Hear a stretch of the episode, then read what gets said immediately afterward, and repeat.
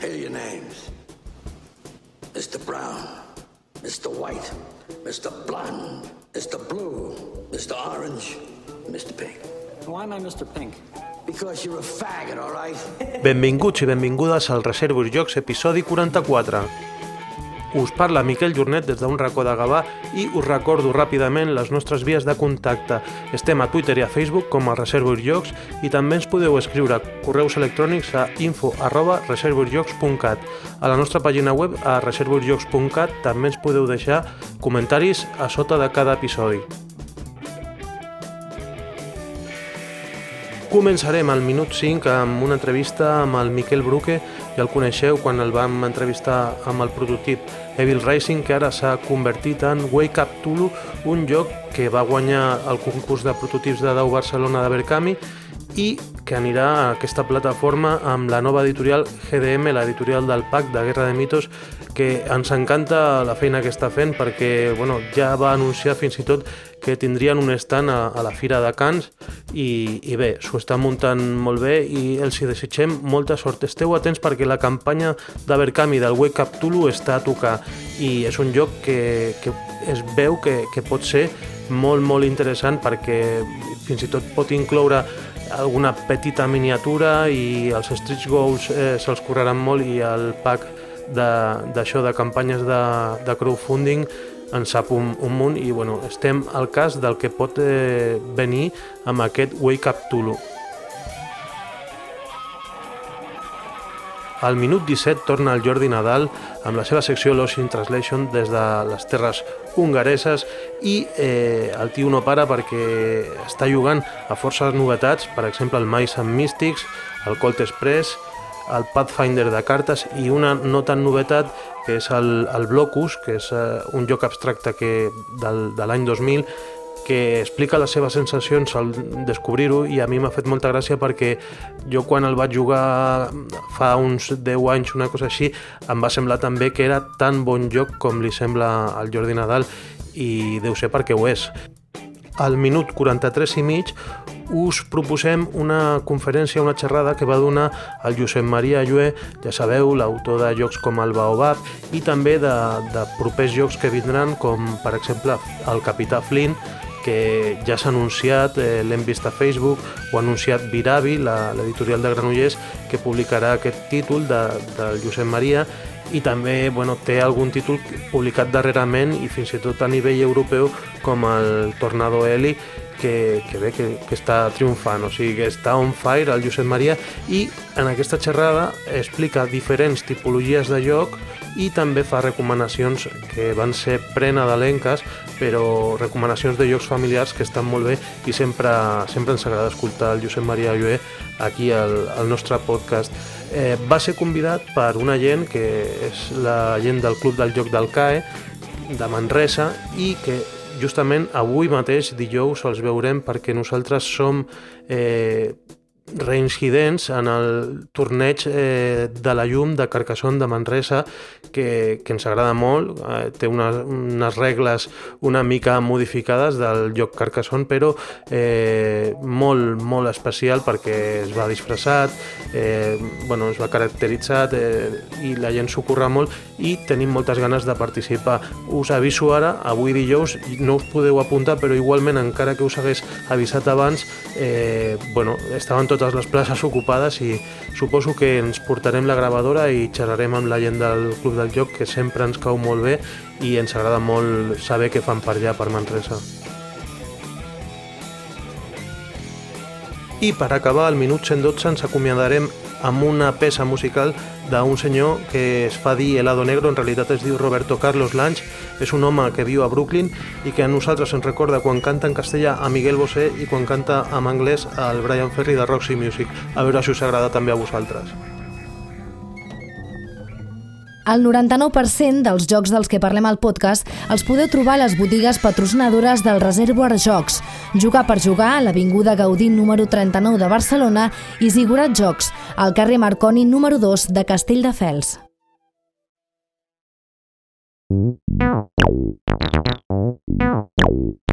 Estem una tarda més al, al bar Lúdic Queimada de Barcelona, que molts ja coneixeu, i aprofitem aquí per fer algunes entrevistes entre la gent que també acostuma a venir aquí a jugar i a provar protos i tal. I ens tornem a trobar a un amic que el vam trobar a un correllocs eh, que portava un prototip que estava una mica verd, que era el Evil Rising, i aquest prototip ha canviat i ara es diu Wake Up Tulu, ha guanyat un concurs i tal. Ara ens ho explica ell. És el Miquel Bruque, eh, conegut a les xarxes socials com a Mickey Sins, i bueno, primer de tot, felicitats perquè, perquè publicaràs, segurament, és molt, és molt fàcil que publiquis, i explica un, una mica a l'audiència quina ha estat l'evolució de l'Evil Rising al Wake Up. L'evolució sobretot passa per, per tema testejos, no? Comences, comences un joc, comences a, a testallar-lo, a provar-lo, això crec que ja t'ho vaig comentar tu i li comento a gairebé a tothom que faig una entrevista amb ell, no? que un joc comença d'una manera, el teu cap rutllat molt bé i després quan comences a provar-ho amb certa gent o amb certs ambients veus que és molt diferent. L'evolució també és, és lògica, no? si vols acabar un, un producte l'has de matxacar, matxacar, matxacar, matxacar fins que, fins que termina sortint el que, el que tu vols realment. No? Aquesta ha sigut l'evolució, estava, estava verdet, però per això també vaig anar al, al Correllocs i en, en altres puestos i altres certàmens que els he portat, perquè m'agrada provar-ho amb, amb gent diferent, amb molta gent, poder veure d'on pot cojear, per dir-ho d'alguna manera, el, el joc, i aquí és on es veu, no, realment. El procés que tu dius de tornar a provar, tornar a provar, tornar a provar, la gent dels videojocs ho fa molt, li diuen iteració, i aquesta iteració tu t'has recolzat molt en la gent de l'associació Ludo, no? Com t'han destripat el joc, te l'han fet caldo i després l'han tornat a construir aquesta gent? Això és una, és una percepció que té molta gent de Ludo, la veritat. El mateix dia del, del concurs hi havia un, nano per allà que va dir hòstia, Pere Pau acaba de provar el meu joc i hòstia, em pensava que me'l pondria a caldo, que me'l ficaria cap per dalt, que diuen que els de Ludo són molt dolents. No, no, els de Ludo el que fan és provar, el que passa és que és gent que té molta experiència, té molta experiència i, i sap per on pot fer aigües una cosa, com pot arribar a fallar i et van donant pistes per on poder tirar. Mai també les coses que et diuen la gent de Ludo no, no, són, no són la Bíblia, no s'han de prendre com, com la màxima, no? per res, sinó són consells.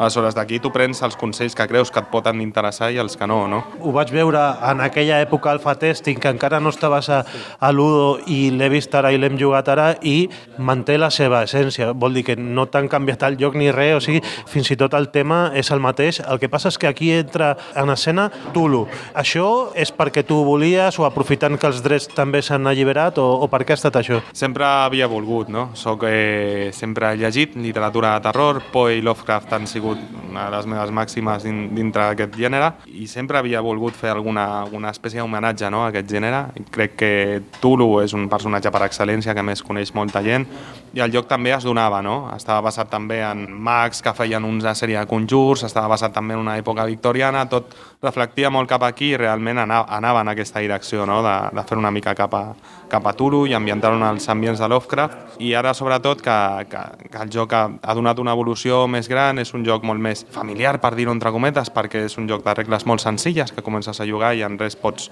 pots veure per on van els tiros. Eh, sí que anem ambientat amb Tulu, amb una temàtica una mica més eh, satírica, per dir-ho d'alguna manera, perquè també arribi a més gent, sempre havia volgut realment tirar per aquí jo. Aquesta temàtica satírica, amb tocs d'humor, eh, molt desenfadada, parlàvem fora de micro que realment va molt amb tu, perquè eh, qui et segueix a, a Facebook, per exemple, eh, veu les fotos que publiques i el, el tema aquest eh, de cultura palp eh, te'l te prens també molt així eh, per, per transmetre una mica també d'humor, publiques fotos molt catxondes i tal, i quan vaig veure l'Evil Rising eh, vaig dir, hòstia, és, és, era massa fosc, i ara amb el treball que està fent la il·lustradora, que és la Evel Janait, està quedant eh, força bé i va molt amb, amb la teva personalitat, no? Sí, sí, i tant, i tant. Evel està fent un treball genial, està clavant realment el que, el que volíem, li ha donat aquest gir i aquest toc d'humor que necessitava realment el joc per acabar de respirar i per acabar de donar l'experiència que ha de donar el joc quan, quan el proves i quan el jugues i, i és genial, o sigui, Pac me la, me la va presentar i va dir aquesta serà la persona perfecta per, per dur a terme el treball i la veritat és que va encertar. Has parlat del PAC, el PAC eh, farà la figura de l'editor amb la seva nova editorial eh, GDM i bueno, parlem una mica de, de la campanya.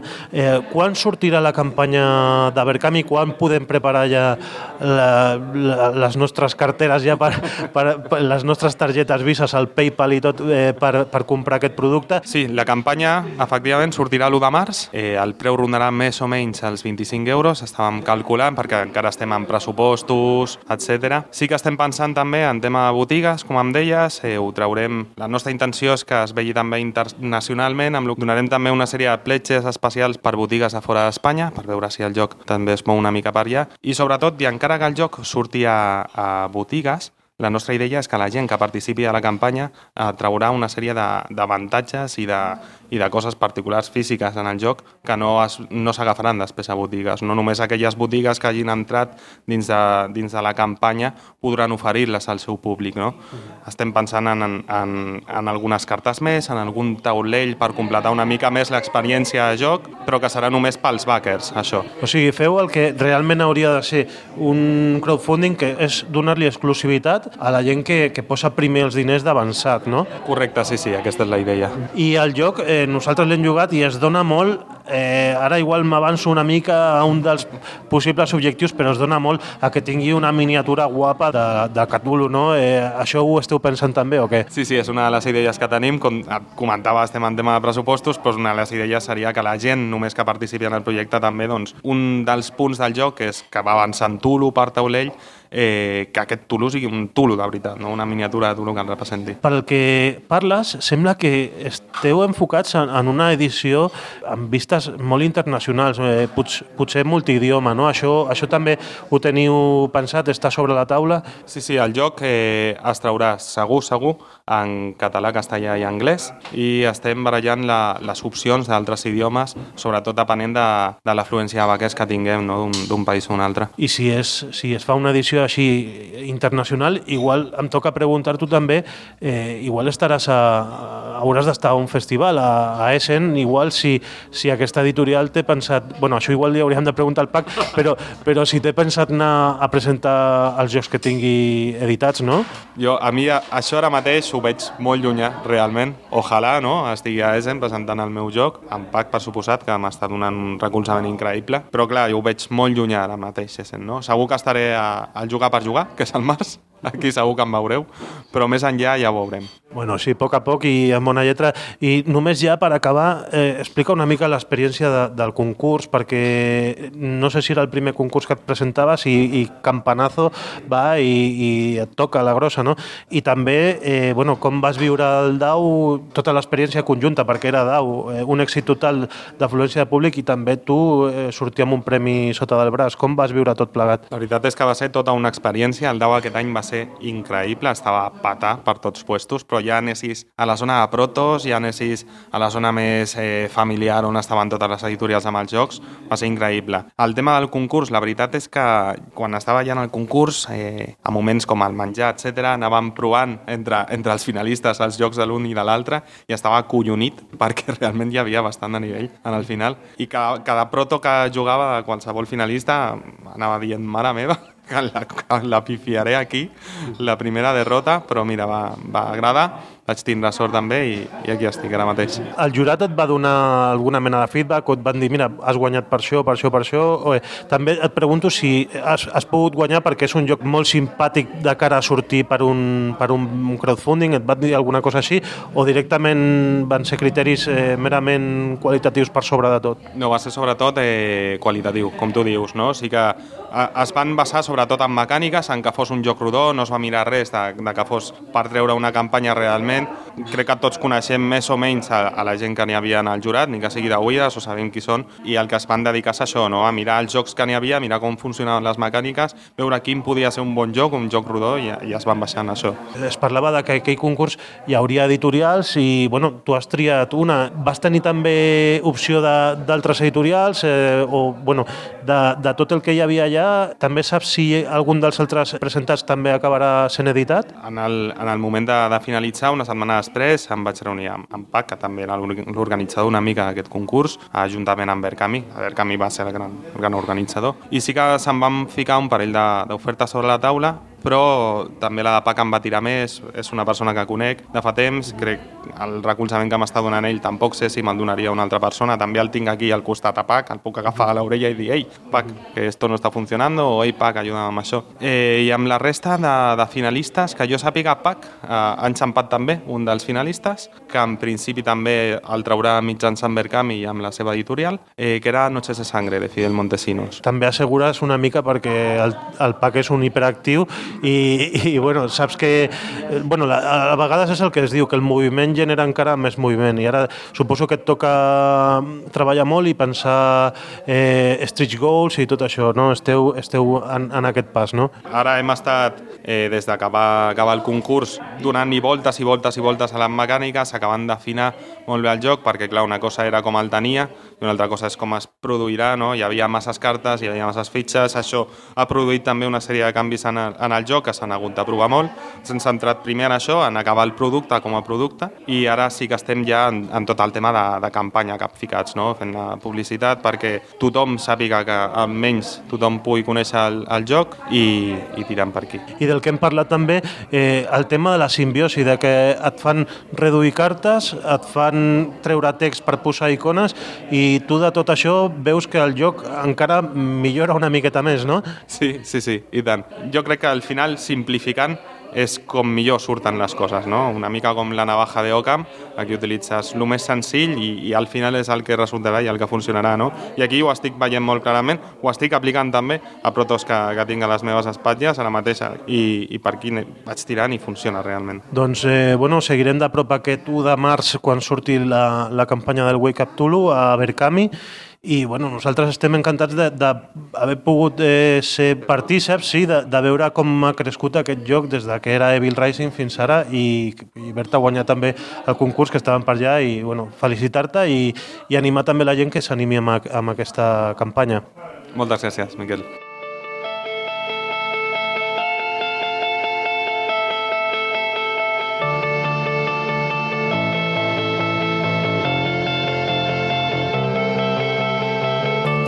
Companys, benvinguts a la secció Lost in Translation. Us parla Jordi Nadal des de la terra dels Magyars. A la secció d'avui volia parlar una mica de les partides que he fet al Nadal. És la primera secció que gravo després d'aquestes festes i res, hi ha hagut algunes adquisicions, també he regalat alguns jocs de taula. A la família hem jugat a, també amb els amics i res, anem a començar. Primer comentar que vaig regalar el Mais amb místics als meus cosins petits. Eh, tinc dos cosins de 9 i 14 anys i per Nadal doncs, va caure un regalet a un joc de taula, com no, venint de mi no, no podia ser una altra cosa. I el vaig decantar pel Mais amb Mystics bàsicament perquè era cooperatiu, que no volia un joc competitiu, Eh, també volia una espècie d'un dungeon crawler, eh, o sigui, un joc de mazmorreo, o sigui, d'anar amb mazmorres i tal, però també doncs, que, eh, que el que té 9 anys doncs, que li agradés, no? que potser que no fos molt difícil. Potser el, uh, un joc tipus Descent o cosa així potser se'ls feia massa complicat, en canvi el Mais amb Místics, pel que havia llegit, era més senzillot. Doncs primer de tot el que heu de fer és escollir personatges, jo em vaig agafar el líder a petició dels musculins, evidentment, no us penseu que sóc tan egoista.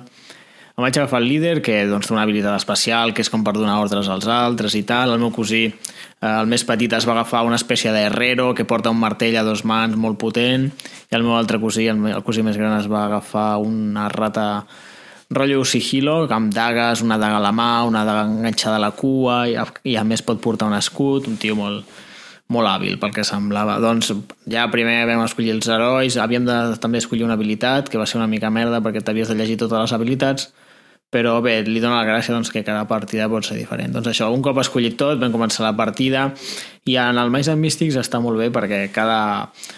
vas trobant enemics als escenaris, però a, a cada escenari, escenari que arribes, o sigui, però ja no dins d'un escenari, dins de la primera missió, doncs vas de sala en sala. Doncs a la primera sala, per exemple, no tenia res especial, era una mica presa a contacte. La següent sala representava que entraves com per una espècie d'alcantarilla, o sigui, anaves a un nivell inferior i llavors et trobaves que hi havia una espècie de riu que havies de creuar enmig de la, la segona escenari.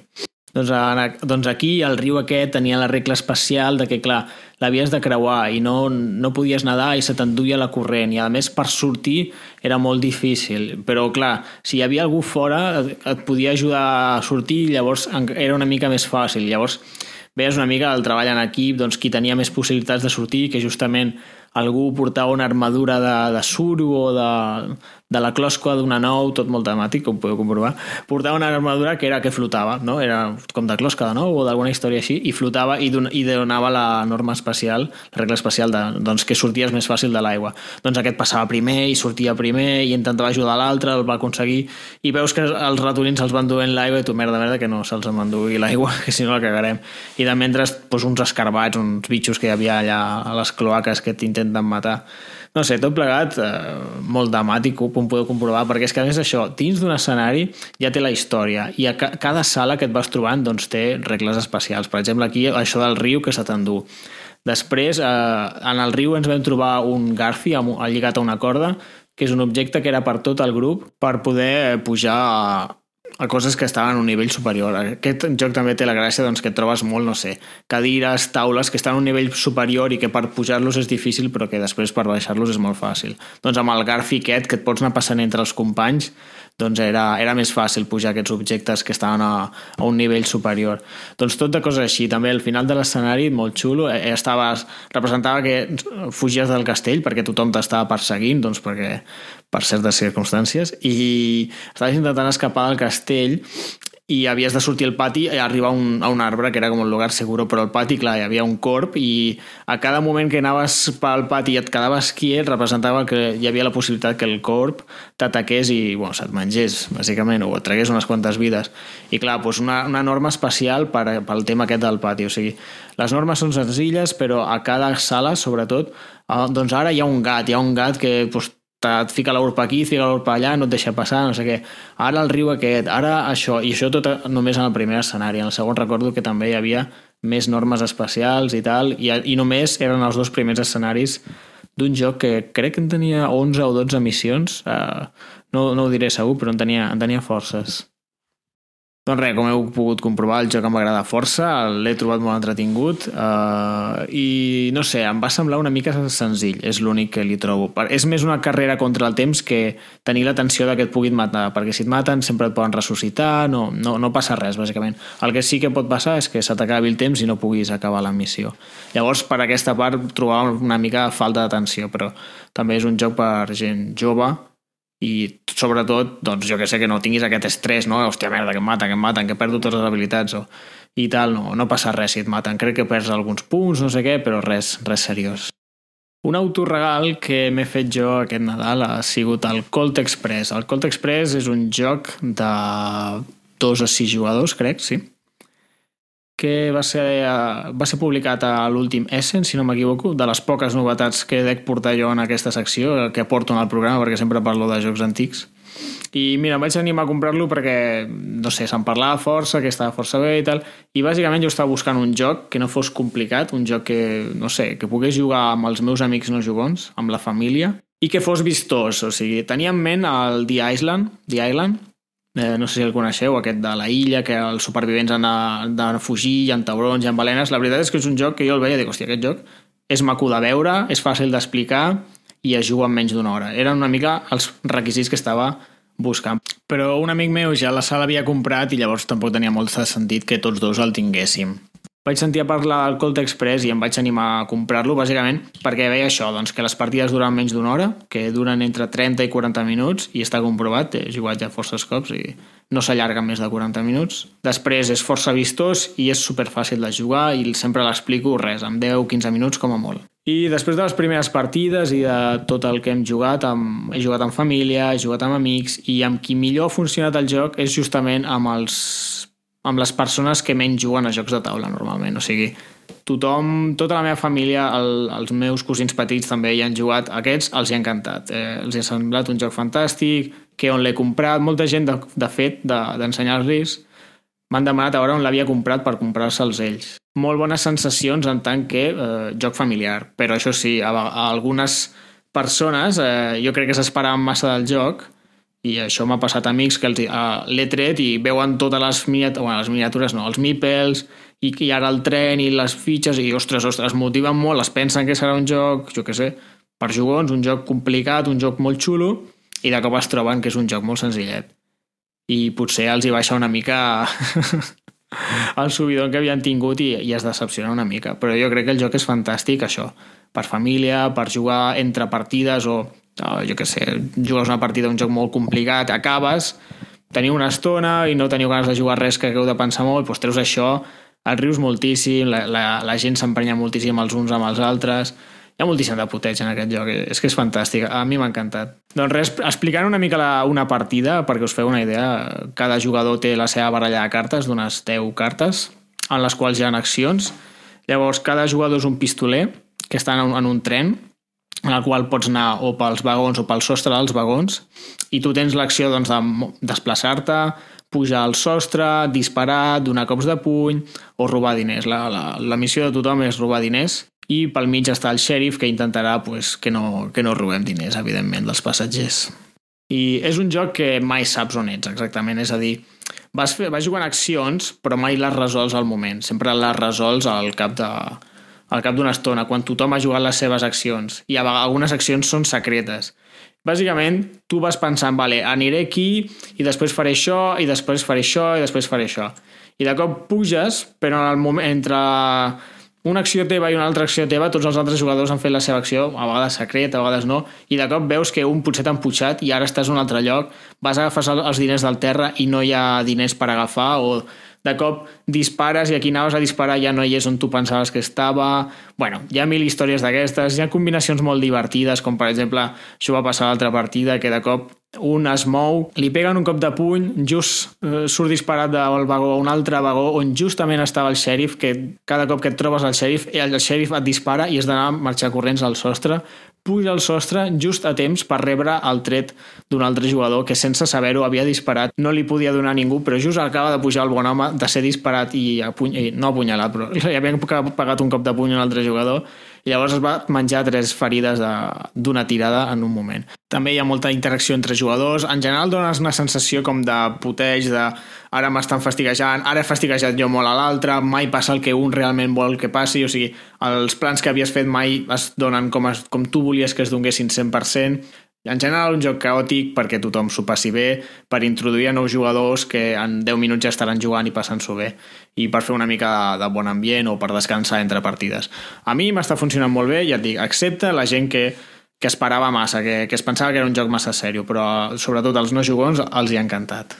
Un gran descobriment que he tingut aquest Nadal eh, ha sigut un joc que es diu Blocus. Potser alguns el coneixereu, jo per exemple no el coneixia. De fet, eh, l'he mirat a la Board Game Geek i està, jo que sé, com al 300 de, del rànquing de jocs de taula i de joc abstracte està ja més amunt, com el 20 o el 30, no, no me'n recordo exactament, però no sé, és un joc, jo crec que fantàstic, ara us l'explico. O sigui, és un joc abstracte, per començar, i és per quatre jugadors, també es pot jugar a 3 però no funciona gaire bé. És per 4 jugadors, bàsicament, i les normes són tan senzilles com que tu has de posar les teves peces, unes peces que tenen formes tipus Tetris, i, però més grans, sobretot, amb, totes són diferents, i les has de posar tantes com puguis al taulell, evidentment per torns, respectant-se els torns els uns als altres, i n'has de posar tantes com puguis al taulell. I res, l'única norma és que no es poden tocar eh, les figures geomètriques cara amb cara. Han de trucar vèrtex amb vèrtex com a molt. Bueno, com a molt, i han de tocar vèrtex amb vèrtex. No pots ficar les fitxes on tu vulguis.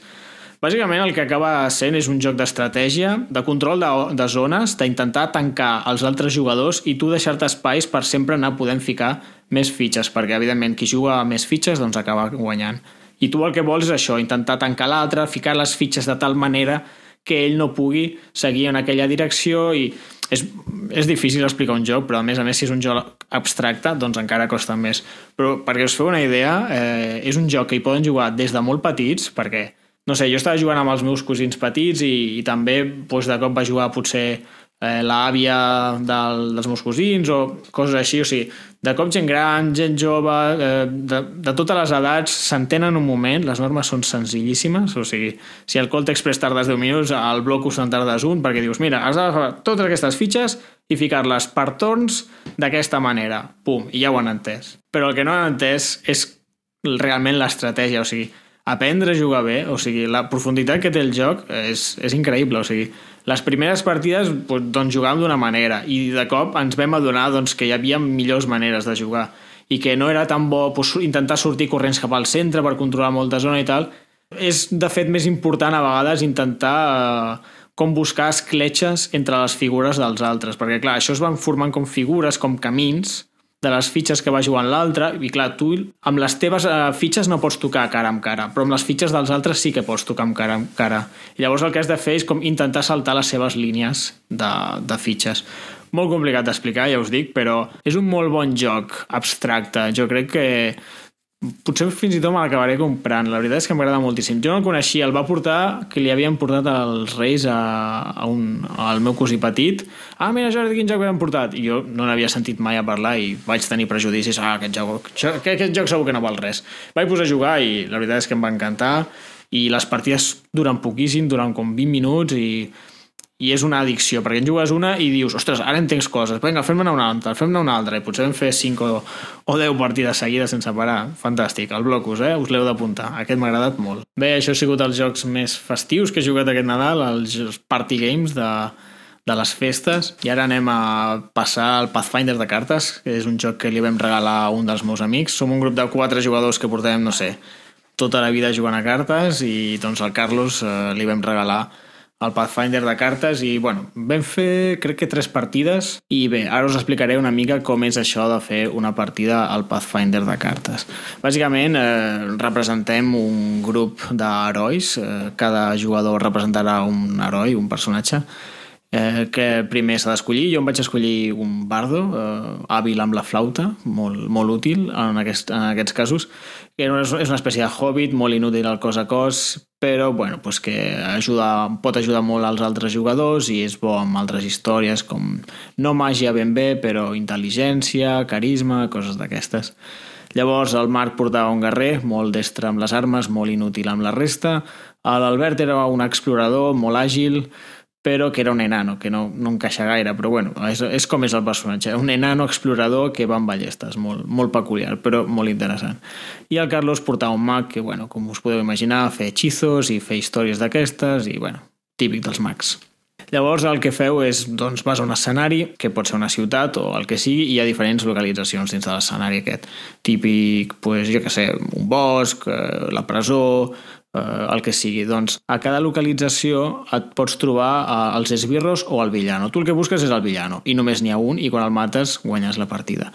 I si no està el villano, doncs estarà un esbirro i quan mates un esbirro representa que has acabat com amb tot el mal d'aquella localització i la tanques. I allà ja no es pot refugiar el villano si el pilles. Bàsicament perquè el villano és molt cabron. Imagina't que comences la partida, pum, i el trobes només començar. S'hauria acabat la partida? No perquè el villano, com, com a totes les pel·lis, és molt cabron i s'escapa. I s'escapa i s'amaga que tu no saps on va a una altra de les localitzacions.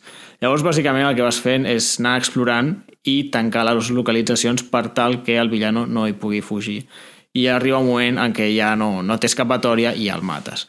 Doncs res, vam començar a jugar i Carlos va, va anar, en tant que mag, el Carlos era el mag, doncs se'n va anar a la biblioteca, hi havia, que hi havia per estadística, molt, hi havia més hechizos que una altra cosa, i així doncs a part d'explorar i intentar fer la missió, doncs, ja vas una mica orientar-te a, a, a pillar objectes per les següents missions, per millorar el teu personatge. Doncs el Carlos va anar a la biblioteca, a l'Albert doncs, li donava igual, em sembla que va anar a un lloc a l'armeria, algun lloc així que que hi havia més objectes i més armes que altres llocs, doncs per això, doncs a veure si pillava una bona ballesta o alguna així, i de pas mentre es feia la missió, i jo i el Marc havíem d'anar junts, bàsicament aquest era el pacte, ell repartia estopa i jo m'encarregava de la resta, la seva habilitat era bàsicament ajudar-me a mi en combat i la meva habilitat era ajudar-lo en qualsevol cosa que no fos combat a ell. Doncs vam anar a la localització on hi havia més enemics, que era més difícil de matar, doncs ja que érem dos, doncs per anar més ràpid, matar els mitjos gordos, que és d'això s'encarregava el Marc, que era la seva missió en tant que guerrer, i jo m'encarregava de la resta, sobretot trampes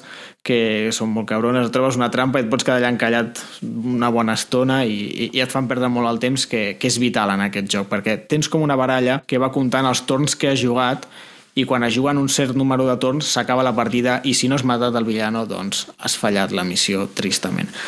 Doncs bé, aquesta era la tercera partida que jugàvem i ja ens, ens estàvem una mica relaxats perquè les dues primeres havia sigut força fàcil, un del temps eh, no agòbia gaire perquè sempre ens sobraven, no sé, un, no, una quarta part, una cinquena part del temps, o sigui, anant relativament bé de temps, i això que el primer error va ser quan el Carlos, eh, això que està explorant la biblioteca i pum, de cop es troba el villano.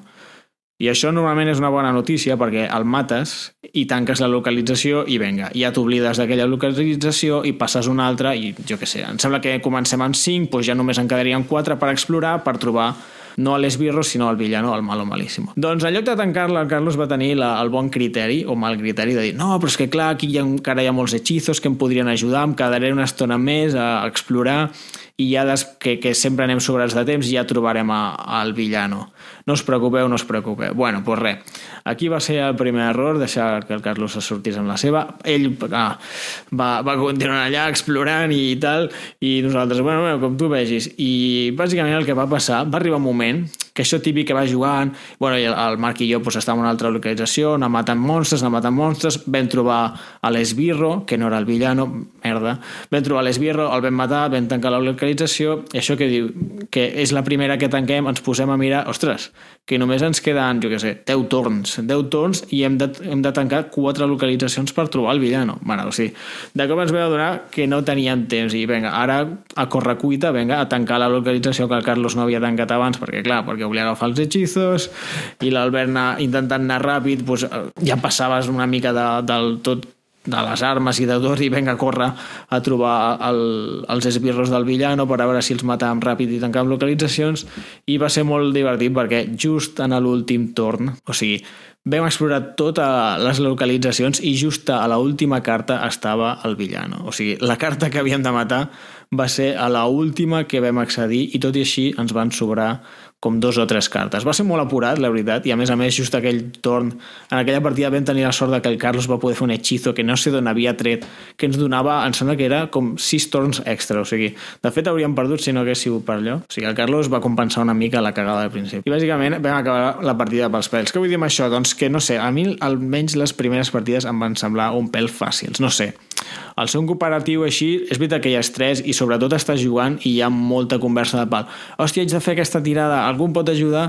Oh, tal, jo no és que no puc, jo és que aquí tal, jo et puc tirar això que t'ajuda, jo si faig això t'ajudo i és una mica com va la partida. Et vas trobant coses i sempre tires daus com, com un joc de rol. O sigui, el joc intenta representar un joc de rol. Et trobes problemes o et trobes coses, vols aconseguir coses, et trobes un aliat, vols que s'uneixi tu, doncs has de fer com una tirada de carisma. Quant tens de carisma? Pum, doncs jo tiro un dau de 6. Bueno, doncs jo et puc ajudar si descarto aquesta carta i tiraràs un dau de 4 de més. I vas tirant daus. I has de superar uns valors que t'indica sempre la carta. El joc és anar tirant daus i cosa que fa molt emocionant perquè jo que sé, ni que sigui molt fàcil una tirada, ni que amb 4 daus hagis de treure un, un 5 o un 6, doncs pots treure 4 uns a vegades. Són coses que passen molt poc, però a vegades passa i, i et converteixes en l'inútil del grup.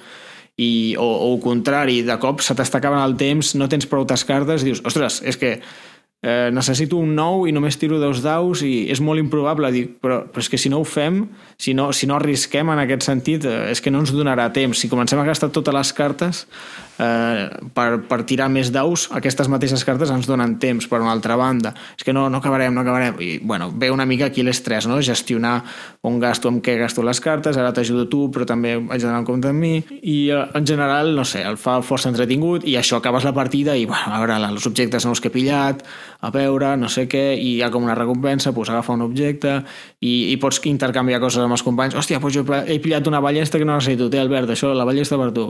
I, i sort això perquè recordo que durant la partida, els últims torns que, que ens moríem, vaig haver de sacrificar la meva única arma, en tant que Bardo només tenia una arma, la vaig haver de sacrificar i sort que al final de la partida l'Albert em va poder donar una altra onda, que era la meva arma preferida, i, i vaig sortir de pas, però si no ja, ja em veia pues, anar, anar fent les, les següents partides sense cap tipus d'arma. I ja veieu, doncs, doncs vam agafar les cartes, li vam fer una foto a les cartes que tenia cadascú i jo què sé, quan ens tornem a veure tornarem a fer una partida seguint amb els personatges i amb tots els objectes i quan fas més partides, a més a més guanyen habilitats o tires més daus i coses d'aquestes. Bé, això ha sigut tot per avui, però abans d'acabar volia contestar un email que he rebut, bueno, que he rebut el Miquel i m'ha passat, doncs que d'un oient, que és l'Alfred, que volia doncs, saber ara si li podia recomanar algun joc de taula hongarès doncs, per completar la col·lecció, no sigui dit tenir un joc de cada país que es visita i tal, doncs sí, la veritat és que fa gràcia. Doncs així que m'hagin cridat a mi l'atenció, així més moderns, està el Gyumi o Gyami, no sé com es pronuncia, G-Y-U-M-I, ho podeu mirar després a, a la descripció del podcast. Doncs aquest joc és una espècie de... És un joc de memòria, és un joc de cartes, eh, caixa petita i tal, en el qual has, has de fer sets, però has d'anar memoritzant quines cartes tens i llavors doncs, hi ha sis pals, que són sis tipus de fruita, i estan numerats de l'1 al 5. I llavors, doncs, si repeteixes carta és un drama, o sigui, si agafes dos cartes dos cops és un drama, o sigui, és el que has d'evitar a tota costa, però has de fer sets i seguits. O sigui, per exemple, si de l'1 al 5 tens l'1, el 3 i el 5, t'endús 0 punts. Si tens l'1, el 2 i el 3, doncs jo què sé, t'endús 4 o 5. No ho sé. Llavors, a més a més, ho has de fer anar fent tot de memòria. Vas agafant les cartes i les vas apilant per per pal, o sigui que pal vol dir fruit per tipus de fruita en aquest joc, i això has d'anar recordant, vale, doncs de les peres tinc l'1, el 2 i el 3.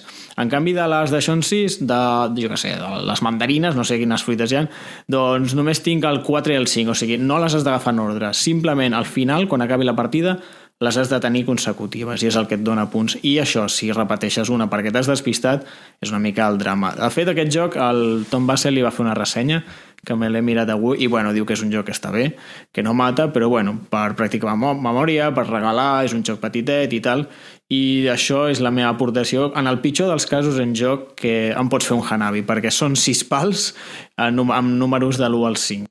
Eh, per mencionar alguns altres jocs, eh, rotllo hongarès, doncs comentar el Captain Cool, que és un joc de rols, tot i que algun amic l'havia provat i deia que no, que no valia gaire la pena. Jo no he jugat a cap d'aquests jocs, eh? ja, ja aviso.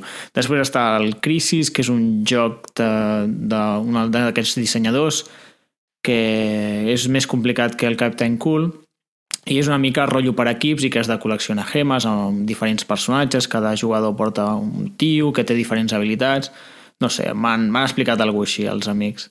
Després hi ha un parell de jocs que és el Shark, Shark Toyage i l'Imperia que són més nous i que no, no hem provat, ni jo ni, ni ningú que jo conegui almenys. O sigui, tot és un, són un parell d'autors que són bastant prolífics, que ja posarem els noms, un és, es diu Chava no sé què, ara, ara no me'n recordo. Però sí, són bastant prolífics. Això, mira, un es diu Zoltan Axel i l'altre es diu uh, Hegedush Chauba. Són dos autors relativament prolífics, em sembla que cada un té entre 5 i 8 jocs, i bueno, són els jocs que han anat publicant els últims anys. I un joc que és molt peculiar i crida força l'atenció, una mica per la història, és, es diu Card Age Corona, i diuen que és una espècie de risc, versió hongaresa, però rotllo, jocs, rotllo Juego de Tronos, o sigui, amb cases, traïcions, eh, política, exèrcit... O sigui, Vist així, té molt bona pinta i, a més a més, té la peculiaritat, que això pot ser molt dolent, però que l'ha fet un polític d'un partit radical d'extrema dreta. Dius, joder, quines coses a fer, no? Però bueno, és, és curiós, no? Almenys, però mira, aquest joc l'ha fet un polític hongarès d'extrema dreta. Dius, bueno, pues, almenys té més història, no? A l'hora que l'ensenyes a algun amic. El joc es diu Card Age Corona, per si el voleu buscar a la Board Game Geek. Però bueno, no us preocupeu, que tot això ho ficarem a la, a la descripció.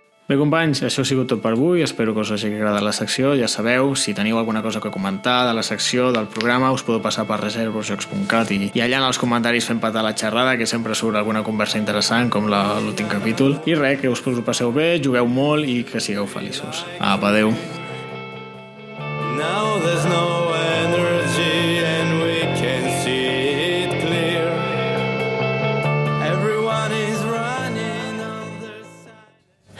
Bé, bona nit. Si us sembla, començarem. Després d'aquests 5-7 minuts de, de marge que sempre es donen quan es comença una xerrada. Eh, com sabeu, i tots heu vist ja el programa que fa dies que, que volta per la ciutat, una vegada més, un any més, eh, organitzem des de l'Ajuntament la Setmana dels Drets dels Infants. Una setmana que aquest any té una, una part molt especial i una part per part nostra doncs, molt significativa, perquè a banda de que eh, aquest 20 de novembre, que és dijous, aquest 20 de novembre fa 25 anys eh, que es va signar la Convenció dels Drets dels Infants i per tant doncs, és una data important, 25 anys, mig segle doncs, d'aquest reconeixement de que els nens i nenes, que l'infància tenien uns drets, a part de que fa 25 anys doncs, que es va signar aquesta convenció, també fa pocs dies que l'UNICEF ens ha reconegut a Manresa com a ciutat amiga de la infància. Eh? Per tant, també eh, això per nosaltres també ha afegit aquest reconeixement. A més, coincidint que també el dia, el dia 20 de novembre és el dia que eh, es fa el ple municipal de la ciutat, també per primera vegada el Ciutat de Manresa, i això també sigut gràcies a aquest reconeixement que estava comentant, aprovarem, si tot va bé, un pla d'infància, el primer pla d'infància que tindrà el Ciutat de Manresa. En aquest sentit, eh, és un pla que, com dic, ha valgut que és reconeixement i aquest pla ens compromet a moltes coses. No? Ens compromet eh, a tenir una, una visió de la ciutat molt focalitzada cap a la infància, una visió molt interdepartamental, amb el sentit de que no només mirem la infància de perspectiva educativa, sinó també de perspectiva psicosocial, familiar, etc. I per tant es dona un ventall d'opcions molt més ampli i pensem que aquest pla això ens compromet molt. No? Eh, bé, avui estem aquí a banda de parlar d'infants, de parlar d'un tema molt concret dels infants. No? I, si, I si agafem doncs, el que diu doncs, l'article 31, per exemple, el dret de l'infant, ens parla que els estats membres reconeixen el dret de l'infant al descans i a l'esplai, al joc i les activitats d'esbarjo adequades a la seva edat i a participar lliurement en la vida cultural i les arts. Eh? Per tant, ja, ja anem al tema que avui ens ocupa. També diu, els estats membres han de respectar i promoure el dret de l'infant a participar plenament a la vida cultural i artística i han d'afavorir oportunitats de participació en activitats culturals, artístiques, recreatives i d'esplai.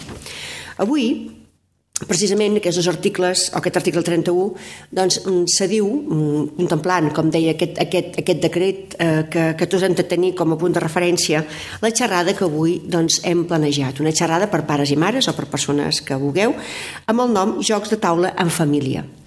Eh, parlem, parlem de jocs, parlem de família i parlem de com compartir precisament doncs, les activitats eh, lúdiques, les activitats d'oci, eh, entre els pares, els nens, avis o totes les famílies que puguin participar-hi.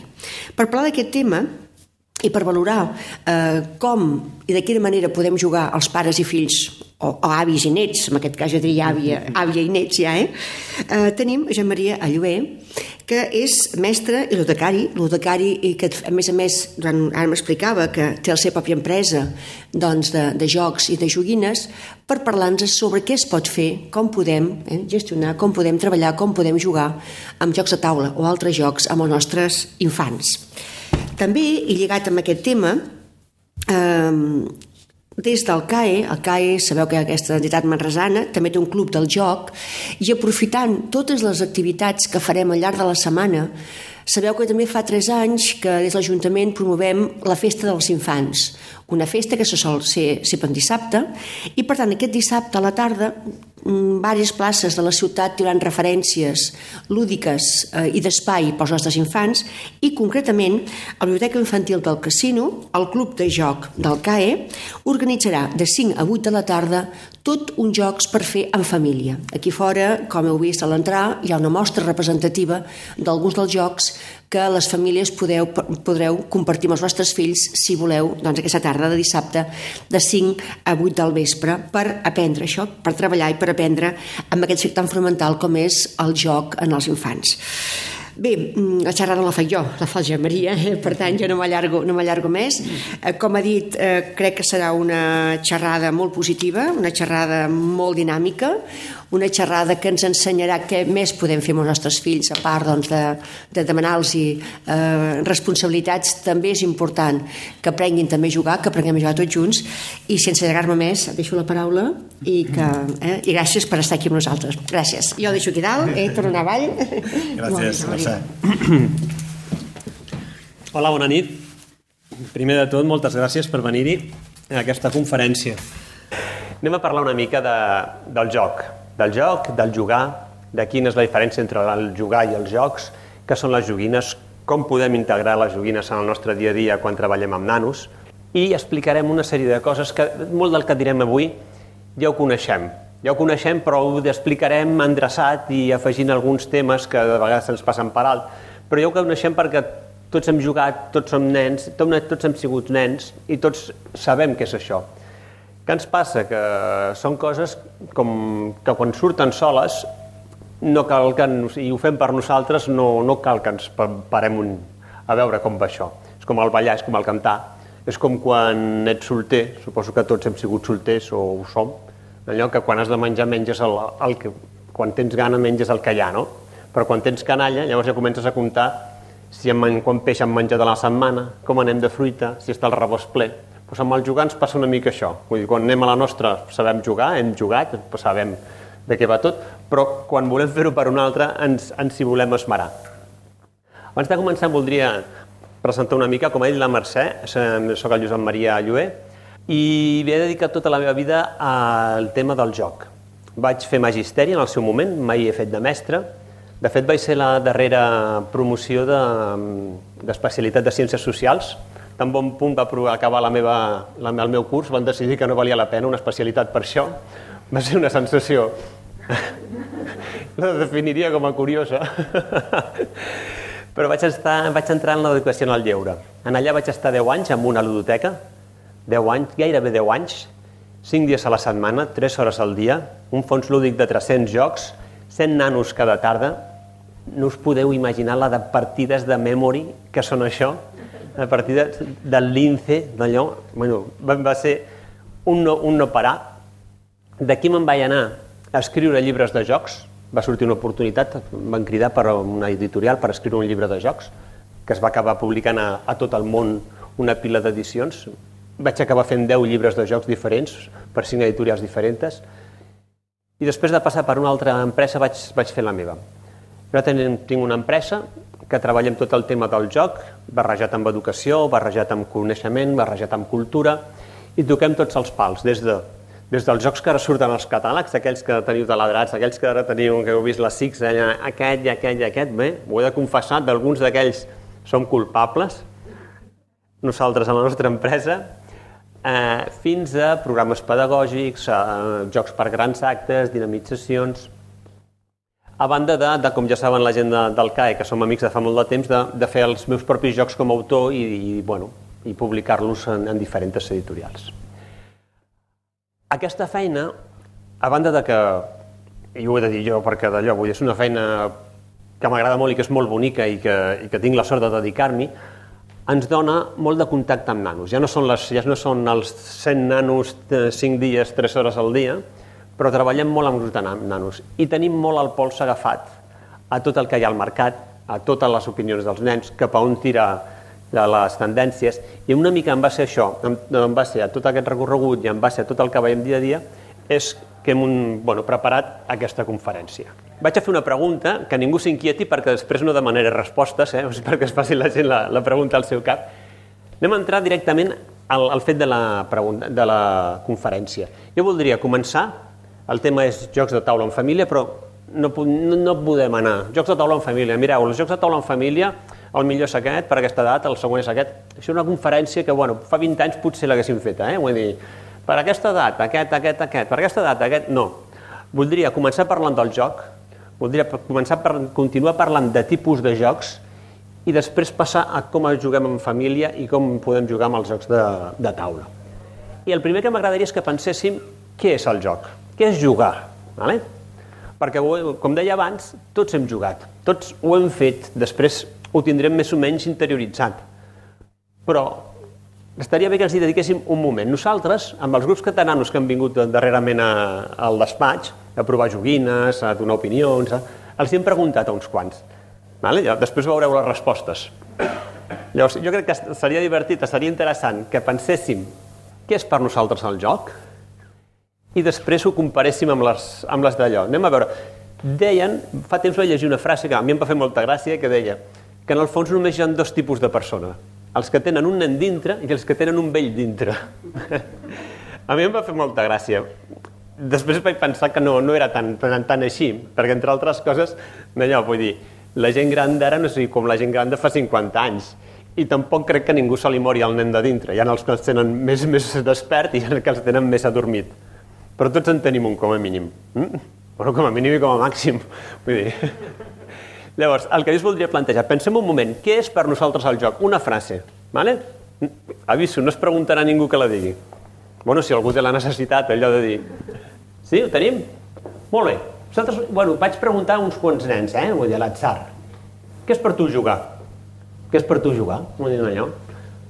Una de les respostes més, més, que van sortir més, i que d'allò al començament em va, em va sorprendre, però després em va encantar, em deia, no ho sé, directament. Escolta, allò, Antonio, jugar, què? Per tu, jugar, què és jugar? No ho sé. Que dona així com si els preguntessis, jo què sé, a quan està l'ossa polar d'aquí, tu creus, així, a, a bote pronto? Allò, no ho sé. Eh? Allò, clar, després també ho pensaves, deies, bueno, tu, clar, és, et venen algú que fas així, natural, a la que et quedes en stand-by, ja ho sabeu, vull dir, la que un nen es queda en stand-by, juga, vull dir, no, no té res, no, no, cal, no cal racionalitzar res, surt, surt de dintre. És com si li haguéssim preguntat, què és per tu bategar? Què és per tu respirar? Mm? Si deies, vinga, va, o un altre deia, què és per tu? Bueno, hi havia alguns que deien, és jugar al pilla-pilla, és jugar a amagar-se, sí, cert, vull dir, jugar és jugar al pilla-pilla, però no, jugar al pilla-pilla és jugar, però no tot el jugar és jugar al pilla-pilla. A partir d'aquí deies, bueno, explica'm-ho sense fer servir la paraula jugar. A veure, ja si, si anàvem cap a una cosa més. I sí, molt bé, vull dir, ja us comento. Passar-m'ho bé, és veritat, vull dir d'allò. Si ets un nen, tu passes bé jugant, no li donis més voltes. Llavors, la connexió és directa. Fer coses divertides. Bé, ja ens anem apropant més. Si un joc no és divertit, divertit, si no és plaent, no és un joc. I pels nens el més plaent és la diversió. Mm? És estar amb els amics, també és veritat. Vull dir, és un component social bàsic. Per jugar, pots jugar sol, però no és el mateix. No, no estàs traient-li tot el suc, que és de lo que es tracta. I finalment deia un, és inventar-se coses. Coincideix amb el que heu pensat, més o menys? Surt, repeteix alguna paraula? Una oscil·lació de cap serà suficient. més o menys? bueno, encara tenim els nens desperts per aquí. Inventar-se coses Ostres, tu, aquesta és la que aquesta és la que m'agrada més de totes.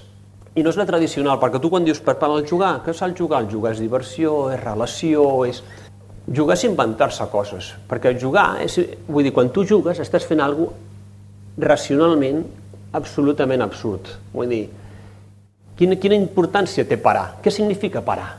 Hi ha països on, on tocar i parar es diu la manxa, bueno, a Argentina es diu la manxa, per què? Bueno, pues perquè t'imagines que tens una manxa i quan toques amb algú aquesta manxa li passa, però es queda tot ell manxat i quan la toques al següent li passa. Hi ha altres que és el que pares li diuen eso, o allò.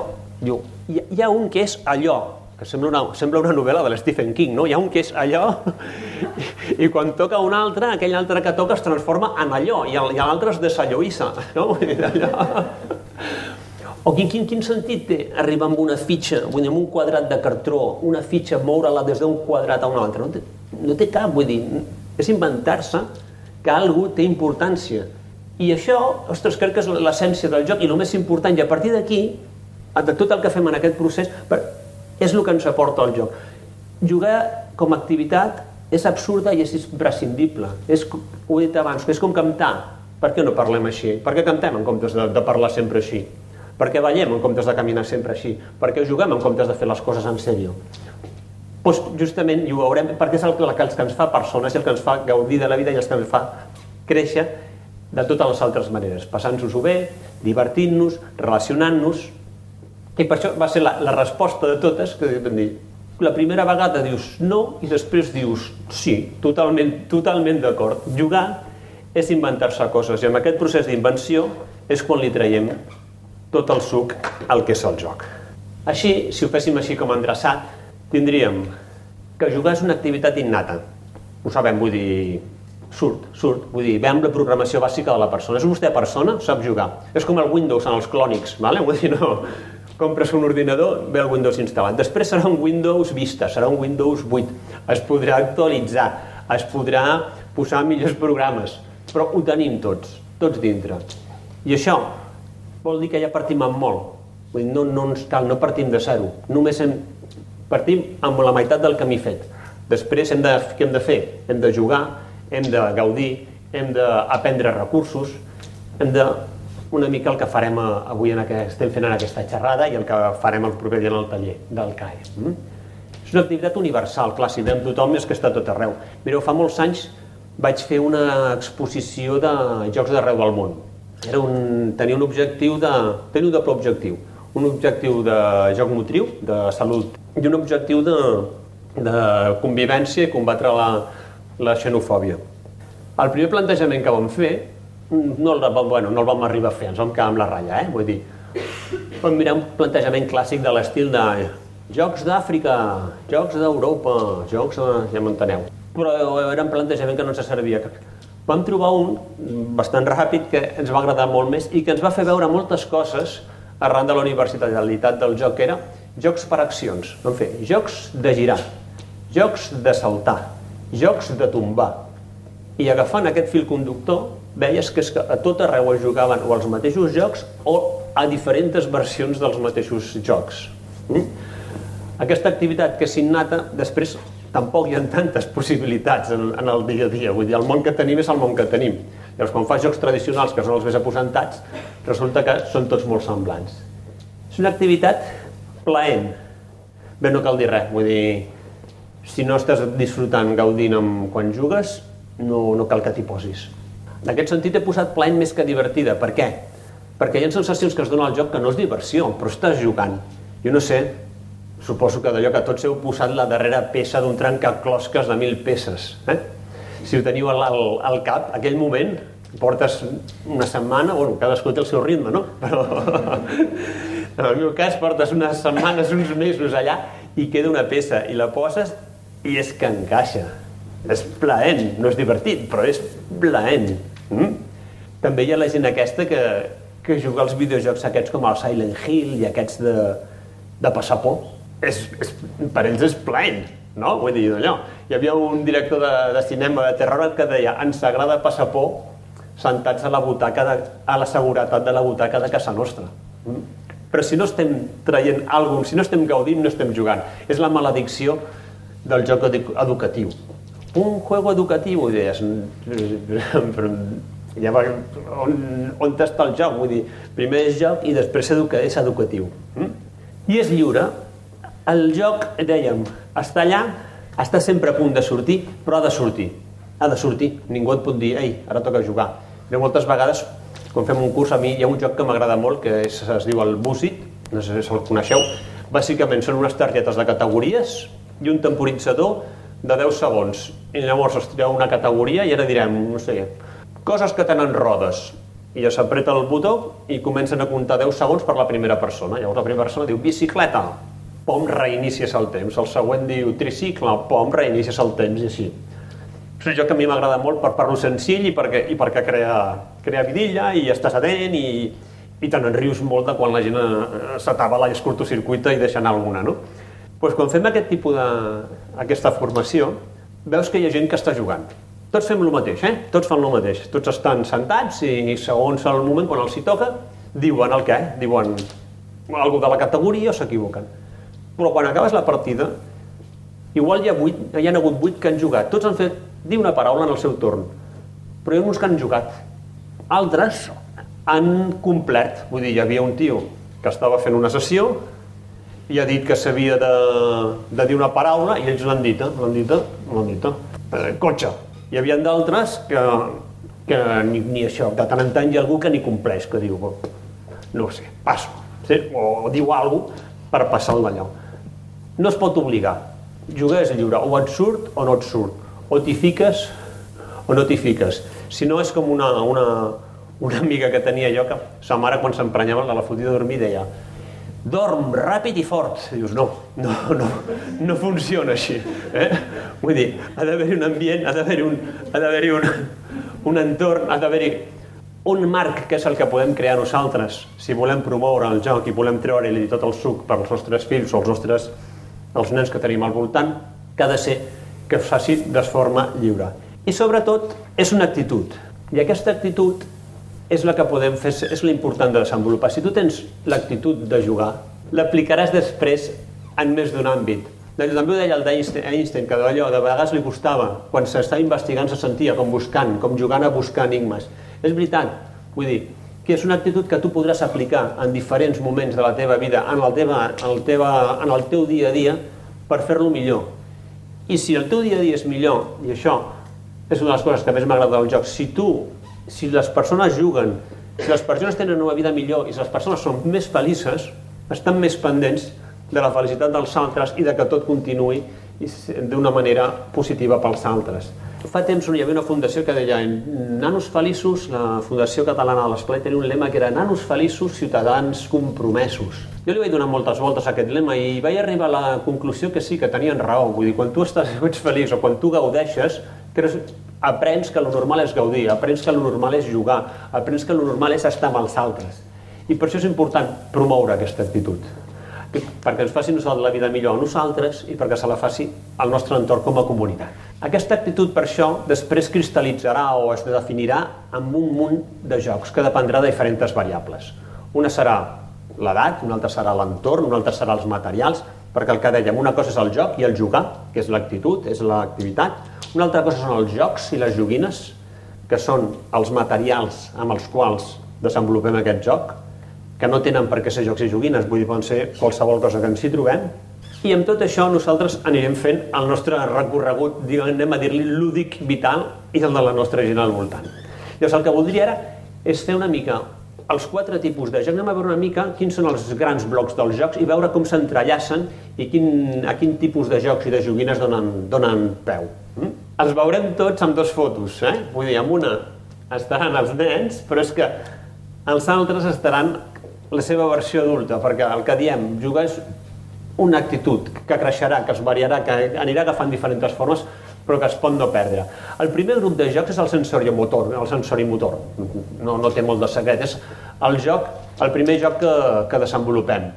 És el joc amb el qual aprenem com funcionem nosaltres físicament. El, a la nadó té un mínim, una mínima control de les seves mans i dels seus sentits, el posa en pràctica. Després van agafant formes que havien, com tots, molt més complicades. Però ens serveixen per què? Per saber com funcionem, per saber com arribem, fins a on arribem, i per anar descobrint una mica el nostre entorn. Fa temps, quan jo anava, portava, jo tinc dues nenes, que curiosament són les dues nenes més guapes del món, em, em van tocar a mi, va ser tot casualitat, perquè no una vegada, no dos, no? Però una vegada anava a la llar d'infants i d'allò, i, i n'hi havia la Clara que portava un xitxon, però enorme, un xitxon d'aquells que feia mal de veure. I, i d'allò li del sopar que li ha passat a la Clara, diu, ahir va aprendre la diferència entre suau i tou. diu, va agafar el llençolet, diu, el va, el va estar mitja hora així aplanant, ens va dir, mira, que bé, com, que bé que sorprèn com juga, no sé què, i, i tal com el va tenir ben aplanant, va fer, oh, bum, i es va donar un coco contra el terra. Eh? No és això exactament, però per qui va? Eh? Per qui va? Què és aquell, el joc sensori motor? Bueno, ens explica com funciona, com funcionem nosaltres i com és el món físicament. Mm? Veiem com és, com és el nostre hardware molts jocs tradicionals tenen una base, ara en veurem uns quants. Quan creixem, es transformen, s'esportivitza. S'esportivitza i continuem fent-ho. Amb una xerrada sobre jocs, joguines, en una escola deia d'allò. Una mare aixecava el braç i sí, això és veritat, eh? Deia, jo, tinc, jo tinc un nen de 5 anys, amb això que dèiem de fins a on arribes, diu. I quan estic fent alguna cosa, diu, a la que sento un, dos i... Diu, he de tirar el que tingui a les mans i sortir corrents a veure on s'ha enfilat. Diu, perquè vol dir que s'ha enfilat alguna banda i està el tio a punt de fer el salto. I quan m'ho va explicar em va fer molta gràcia, perquè allò, jo, jo tinc tres germans i recordo, i suposo que tots heu jugat, de jugar a, a saltar els graons. No? Puges un, bueno, un, allà puges dos, puges tres, a partir del quart ja ja fa respecte, pues és, és tot aquest, tot aquest tipus, tipus de jocs. Vale? Molt bé, els centres de, ja sabeu, els centres d'activitats. El primer, no m'estendré. Això és de la casa Tinilov, és una preciositat. Jo el, vaig, el tinc a casa i encara el tinc. El que fa molta gràcia és que és un joc per nens petits, vull dir, d'allò, no tenen un any, bueno, fins als dos, d'allò. No hi ha adult que arribi a una casa on hi ha això i si està ben fet com aquest, que és una preciositat, els faci servir tots. Venien visites i els hi dèiem estigue't pel nen, home, estigue't pel nen, que estàs tota l'estona jugant. Queda, queda, eh? És com allò, és com els, com els pares que els agrada el futbol, quan veuen canviar cromos de futbol, no. No poden evitar-ho, mirar-ho, vull dir, és algo que, que queda. Mm? Això és la mare dels sous. Vull dir, tots els jocs tradicionals són sensori motor. Després es van afegint regles, però això és la base. El yo-yo, això d'aquí són els gobos, que són les taves. Les taves, a veure, com us ho diria, les taves tenen un os del canell de les orelles, això hi ha gent gran que encara en sap i encara en juga, s'ho jugava, oh, hi havia una pila de jocs, hi havia un que era butxí, rei i, i víctima, era de penyores, i havien de jugar els ossets, que era com d'habilitat. Estava mort. Qui, qui vol dir avui dia jugar amb trossos d'ossos de, de, de vedelles? No, no, no se lleva. Allò, què va passar? Van treure els gogos, que és el mateix, unes peces de plàstic d'aquesta mida que jugues a fer punteria, jugues a treure'ls d'un cercle, jugues a deixar-los amb una ratlla. Els tazos, no cal que expliqui que és un tazo, però sí que està bé saber que és una actualització també d'un joc tradicional, que són els patacons. Els patacons es feien amb dos cartes velles, trencades, i es feia un patacó. I tots els jocs dels, dels tazos de Matutano, és, com, és com el cognom, eh? Tazos de Matutano, després ja van haver-hi més. Bé, són els jocs dels patacons de tota la vida. Les baldufes, que per cert han ressuscitat, fa, fa 4 anys van arribar, oi que sí? Allò, les noves baldufes aquestes, que les bones són les roller, allò, que el que tenen bàsicament és, tenen el, estan buides per dintre i tenen allò, l'eix d'inèrcia és molt més fàcil de manegar. Fins i tot jo he fet ballar una d'aquestes, estic molt orgullós, pensava que em moriria sense fer ballar una, una baldufa en ma vida. I porten 4 anys venent-se. Tot això va cíclic. També hi ha les caniques, també hi ha les, les gomes, tot és joc sensoriomotor. Eh? Vull dir, què puc fer? Fins on arribo? Tornem-hi i quan creixem tenim tota la, tot el que és esport. Mm? Per cert, jo tinc la teoria de que d'allò que ha un llenguatge universal avui dia no és l'anglès, sinó és el futbol. Perquè, no sé si heu fixant, allò, vull dir, qualsevol, a més ho, ho hem vist, eh, campaments de joventut de 30 països, allò, impossible entendre's, o munta un equip, munta un partit de futbol. No, què, què dic? Munta un partit de futbol, agafa una pilota i fes així, tira-la aquí al mig, i la gent s'activa i juga. Segona etapa, joc simbòlic. El joc motor ens dona, què ens fa? Sabem com funcionem, sabem com funciona el nivell, a nivell físic al món, hm? la diferència entre suau i tou. El, nivell, el joc simbòlic ens permet entendre com funciona a nivell social. Veieu una que es desenvolupa cap als dos, tres anys, aquí ja has de tenir un mini bagatge, has de saber. Aquí imites, imites i, et, i, i agafes papers, no? Et poses amb el, amb el paper d'un altre. En aquí tenim un nen disfressat de...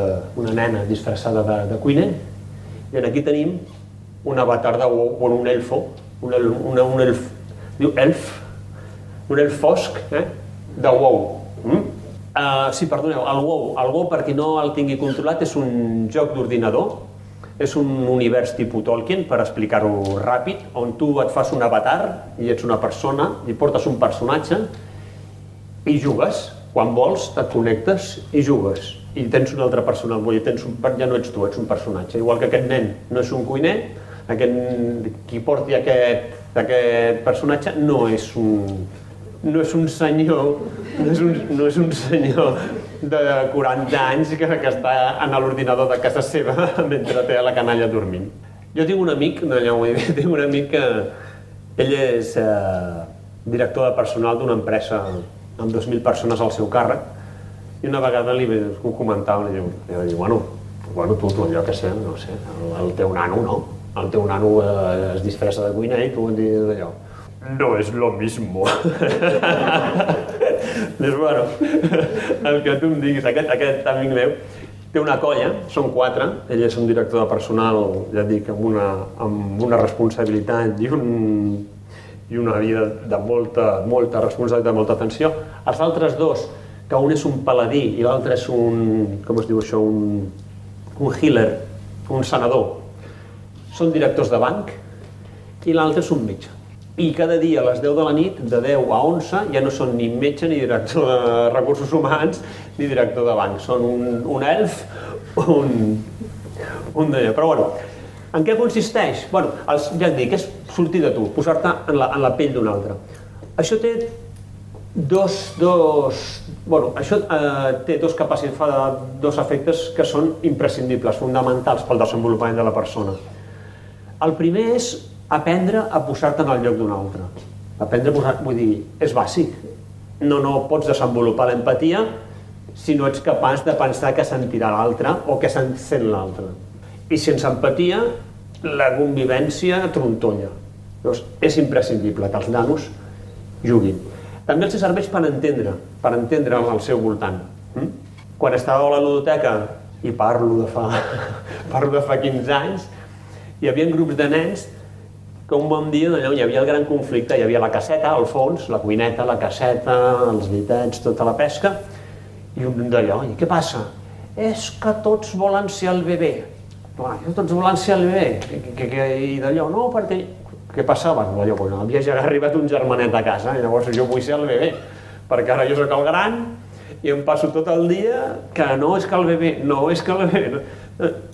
Et permet posar-te a entendre viure-ho des d'una altra manera. Mm? Hi havia altres vegades que volien ser el gos, llavors... Això, vull dir, hi havia baralles per ser el gos que, que dels primers també et sorprenia, després, clar, te n'adonaves que allò, que, que, que el gos era el referent efectiu de, de, de, de l'entorn familiar. Una és això, vull dir, poder entendre el món, poder posar-te a l'altra banda. I l'altra és eh, un que és que és un camí d'anar i tornada. Jo em poso en el lloc d'un altre, faig empatia, em poso en el lloc d'un altre, entenc la seva posició, però també quan em poso en un lloc d'un altre, deixo de ser jo. Vull dir, puc inventar-me allò que dèiem al començament, inventar-me la realitat. Jo ja no sóc una persona, per una estona no sóc un director de banc, per una persona no sóc un, un metge. Per una persona m'invento la meva pròpia realitat i deixo de ser jo. La qual cosa podem, ho haurem d'admetre, de vegades és molt refrescant. Deixar de ser nosaltres és com el mateix sistema que quan anem a veure una pel·lícula o quan anem al teatre. Sortim, en, sortim una mica i ens vivim el que viuen uns altres. Amb la gràcia de que aquí tu decideixes el que vius, no vas a consumir, no vas a veure la història d'un altre en una pantalla plana. Aquí ets tu qui fa la teva pròpia aventura i decideixes com ets. Mm? Per això, és un joc tan, tan, tan important és, i jo diria fins i tot més, el joc simbòlic com que el sensori motor. Aquests són els Playmobil, que és el millor simbòlic petit que hi ha. Tots heu jugat, suposo. Abans eren Famòbil, perquè els va portar, a Espanya es va portar famosa. Els Playmobil els hem de veure la, a la seva existència a la crisi del petroli dels 70, perquè sabeu que uns, el plàstic va pujar tant de, de preu que un hula hoop va passar a ser un objecte de luxe, com aquell qui diu, perquè tenia tant de plàstic que sortia un preu inenarrable. Llavors els senyors aquests, que portaven tota la vida fent joguines, van decidir fer els ninotets aquests que tenien molt poc plàstic. Així com a curiositat, els tres primers models van ser un paleta, un indi i un guerrer medieval. Ara ja Ara hi ha més, més coses en Playmobil que, que, que, que en el món real, crec jo. Eh? Hi, ha, hi ha espies, eh, el segle XIX amb eh, extraterrestres, tot. Després hi ha, per exemple, coses per nanos, estic parlant l'Animal Crossing, exactament. L'Animal Crossing és un poble virtual de la DS. La DS, consola mítica, encara, estan, encara està, d'allò que es va menjar la Game Boy amb patates quan era el Super Mega Plus. En aquí, tu et pots disfressar, sóc un cuiner, tu pots gestionar tota una cuina d'un restaurant en petits, anem a fer tot... Venen els clients? Oh, sí, i tant. O pots ser, viure dintre d'un poble virtual. Parlàvem amb una família que eren quatre i, no, i, i la, la gran tenia vuit i el petit tenia quatre. I el collell de quatre també jugava. I com juga? Diu, bueno, és que com que va per torns, ens va molt bé perquè ens hem fet un, tenim uns torns de jugar. I com que ell no pot aconseguir monedes, en aquest poble tu tens un personatge, li pots canviar la roba, pots pescar, pots agafar pomes, has pots vendre coses, pots buscar fòssils, diu, com que ens agrada molt, diu, i ell no pot, no, li costa, li deixem coses. Llavors, li donem la consola i li diem, uh, escolta, t'hem deixat una bossa de monedes a sota de la palmera. Llavors el, el tio d'allò es connectava i amb el seu bitxo anava i d'allò. I aquesta gent tenia l'Animal Crossing, bueno, era el joc de la seva vida, de la seva vida, aquell, en aquell moment. Però és, era simbòlic, vull dir, jo sóc aquest, tu ets aquest, agafem coses, deixem coses i tenim moltes més possibilitats de les que ens toquen. A més a més, en aquest joc hi havia una cosa brutal, que és que hi havia un talp que et donava la bronca si no juga, perquè podies apagar Sí, oi que sí, hem jugat, eh? Allò, si apagaves sense guardar la partida, perquè de vegades t'interessava, t'interessava apagar, quan et tornaves a augmentar sortia un tap i et renyava. I contra més ho feies, si ho feies més vegades, podies arribar a tenir un quart d'hora de bronca. Un quart d'hora, el tio, has tornat a pagar i per què ho has fet? No hi ha dret, així no ho anem bé. Si ho has fet, ho has fet. Mm? Més jocs, construcció. Tenim un, un tipus de jocs que ens serveix per veure com funcionem, un tipus de jocs que ens serveix per veure com funciona el món i, per, i, per, i també per evadir-nos d'ell. Tenim els jocs de construcció, que són uns jocs, uns jocs transversals. En aquí som nosaltres qui creem la realitat. Sabem com és la realitat, sabem com som les persones, com és el nostre entorn, i aquí som nosaltres qui creem.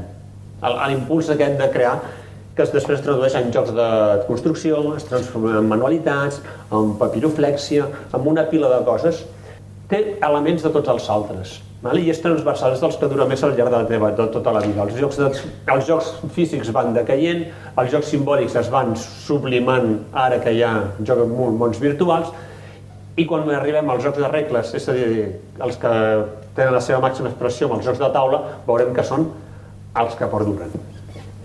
Bueno, hi ha jocs, no, també d'allò, vull dir, veure que tots tenen un component, tenen un component de simbòlic perquè tu construeixes i sempre estàs representant alguna cosa. Mm? a mida petita, a mida gran, en el cas d'aquests nens s'havien fet una construcció encara eh, en la qual ells poden jugar, poden fer-se un castell, però també hi ha el plaer de construir per construir. Nosaltres d'allò, allò que tenim el sentit de, de jugar innat, sí, correcte. Però també tenim el sentit de construir, igual que d'allò. Igual que els castors fan preses i que els ànecs emigren, escolta, les persones construeixen. Si us hagués deixat aquí, amb una tauleta davant de cadascun, cinc peces, no hi hauria ningú que no les hagués apilat de tres maneres diferents a, a hores d'ara. Mm? Aquí tenim d'allò. El Lego significa d'allò, és un, bueno, ja coneixeu, és, un, és una icona cultural. Vale? El Lego ve de Legot, que és algo així com jugar bé. El lema del senyor Lego, podia haver sigut mon pare, sempre ho penso, perquè deia només la perfecció és suficient. I ostres, no? Mare de Déu, senyor. Van començar com a construcció pura i dura, fent fusta, van passar al plàstic i després ara tenen tot de llicències perquè la construcció ara es porta molt amb simbòlic. Tenen Harry Potter, tenen Star Wars, tenen la pel·lícula, tenen videojocs, però és un producte global muntat a partir d'un joc de construcció. Però a més a més, allò, això és el Mindstorms, eh? Què és?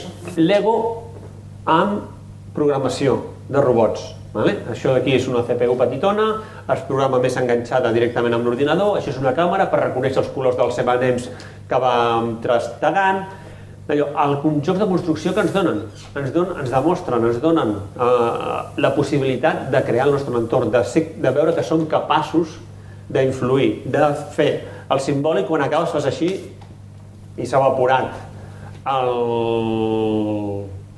motor encara deixa menys. La construcció et dona, els nanos els hi donen, els hi demostra que poden, que poden anar més enllà. I finalment tenim els jocs de regles, que tenen la seva màxima expressió en els jocs de taula. Mireu, aquí les, les possibilitats són infinites. Per què? Perquè el material es crea eh, en consonància amb la dinàmica. Vale? Nosaltres volem jugar a alguna en concret i amb això creem el material. Nosaltres aquí entren tots els altres. Aquí entra simbòlic, vull dir, perquè té una part de moltes vegades de representació. Hi ha molts jocs com el Mikado mateix, que, que són jocs de taula. No estem parlant de taula, estem parlant de jocs de taula que tenen un component psicomotriu important. Hi ha jocs... D'allò, Lego va intentar també fer un, una línia de jocs de taula, no sé si vau arribar a veure'ls, bueno, eh, no es pot guanyar sempre. Allò no va funcionar i això que van agafar els millors, vull dir, van agafar uns autors de renom impressionants, però no, no va tirar per aquí. Són més elaborats i són els que perviuen al llarg de tota la vida. Entre altres coses, perquè tradicionalment eren els que se, se reconeixien com a més seriosos. Arribava un moment que bueno, no et disfressaries, no correries, no et posaries a fer construccions, tot i que hi havia penya, la penya del Mecano, els bojos del Tente, tot això, però era molt més marginal. Aquests són els que tradicionalment han anat tenint més, més, més bona premsa. I en els darrers anys, els jocs de taula estan visquent una, una edat d'or. Dir, el que tenim en joc de taula avui dia és que no s'ha vist mai. I no té res a veure amb el que ja feia amb el que ja fa 50 anys. Doncs el que jo ara voldria fer és una mica un recorregut perquè veiem una mica com han anat evolucionant aquests jocs i després acabar amb una sèrie de recomanacions per franges d'edat, però comparant d'on venim, quins elements tenen, per què són bons. Mm? Això és el que teníem. Vull dir, això, això, tots els que estem aquí, com a mínim hem jugat a veure d'aquests 5, com a mínim hem jugat a 5, eh, crec jo. I, si, si no hi ha algú que no, que si hi ha algú que, que diu que no, no passa res, que menteixi i que ho digui. no, vull dir, això són els jocs, els jugaven els nostres savis. Qui jugava abans al joc de taula? Bueno, jugaven els homes, els homes quan acabaven de treballar o, o, el, o, el, o els avis quan, quan ja d'allò, o les famílies de vegades. El, el loto, jo jugava al meu avi amb el loto i era d'allò, cerimònia, eh? Allò. Quan acabàvem eh, s'havia de comprovar la línia. Si es cantava línia s'havia de comprovar la línia. Però és que si es cantava bingo s'havia de comprovar el bingo, perquè allà no es deixava passar una. Els escacs era el joc tradicional que t'ensenyava ton pare i tothom sabia jugar a escacs, o tothom... Ara mateix tothom... Tot, bueno, nosaltres no ens trobem nanos que no sapien jugar. Després ens diu, jugues? No. Però sé, és com el, no sé, és, un, és com l'anar en bicicleta. Vas en bicicleta cada dia? No, però sé.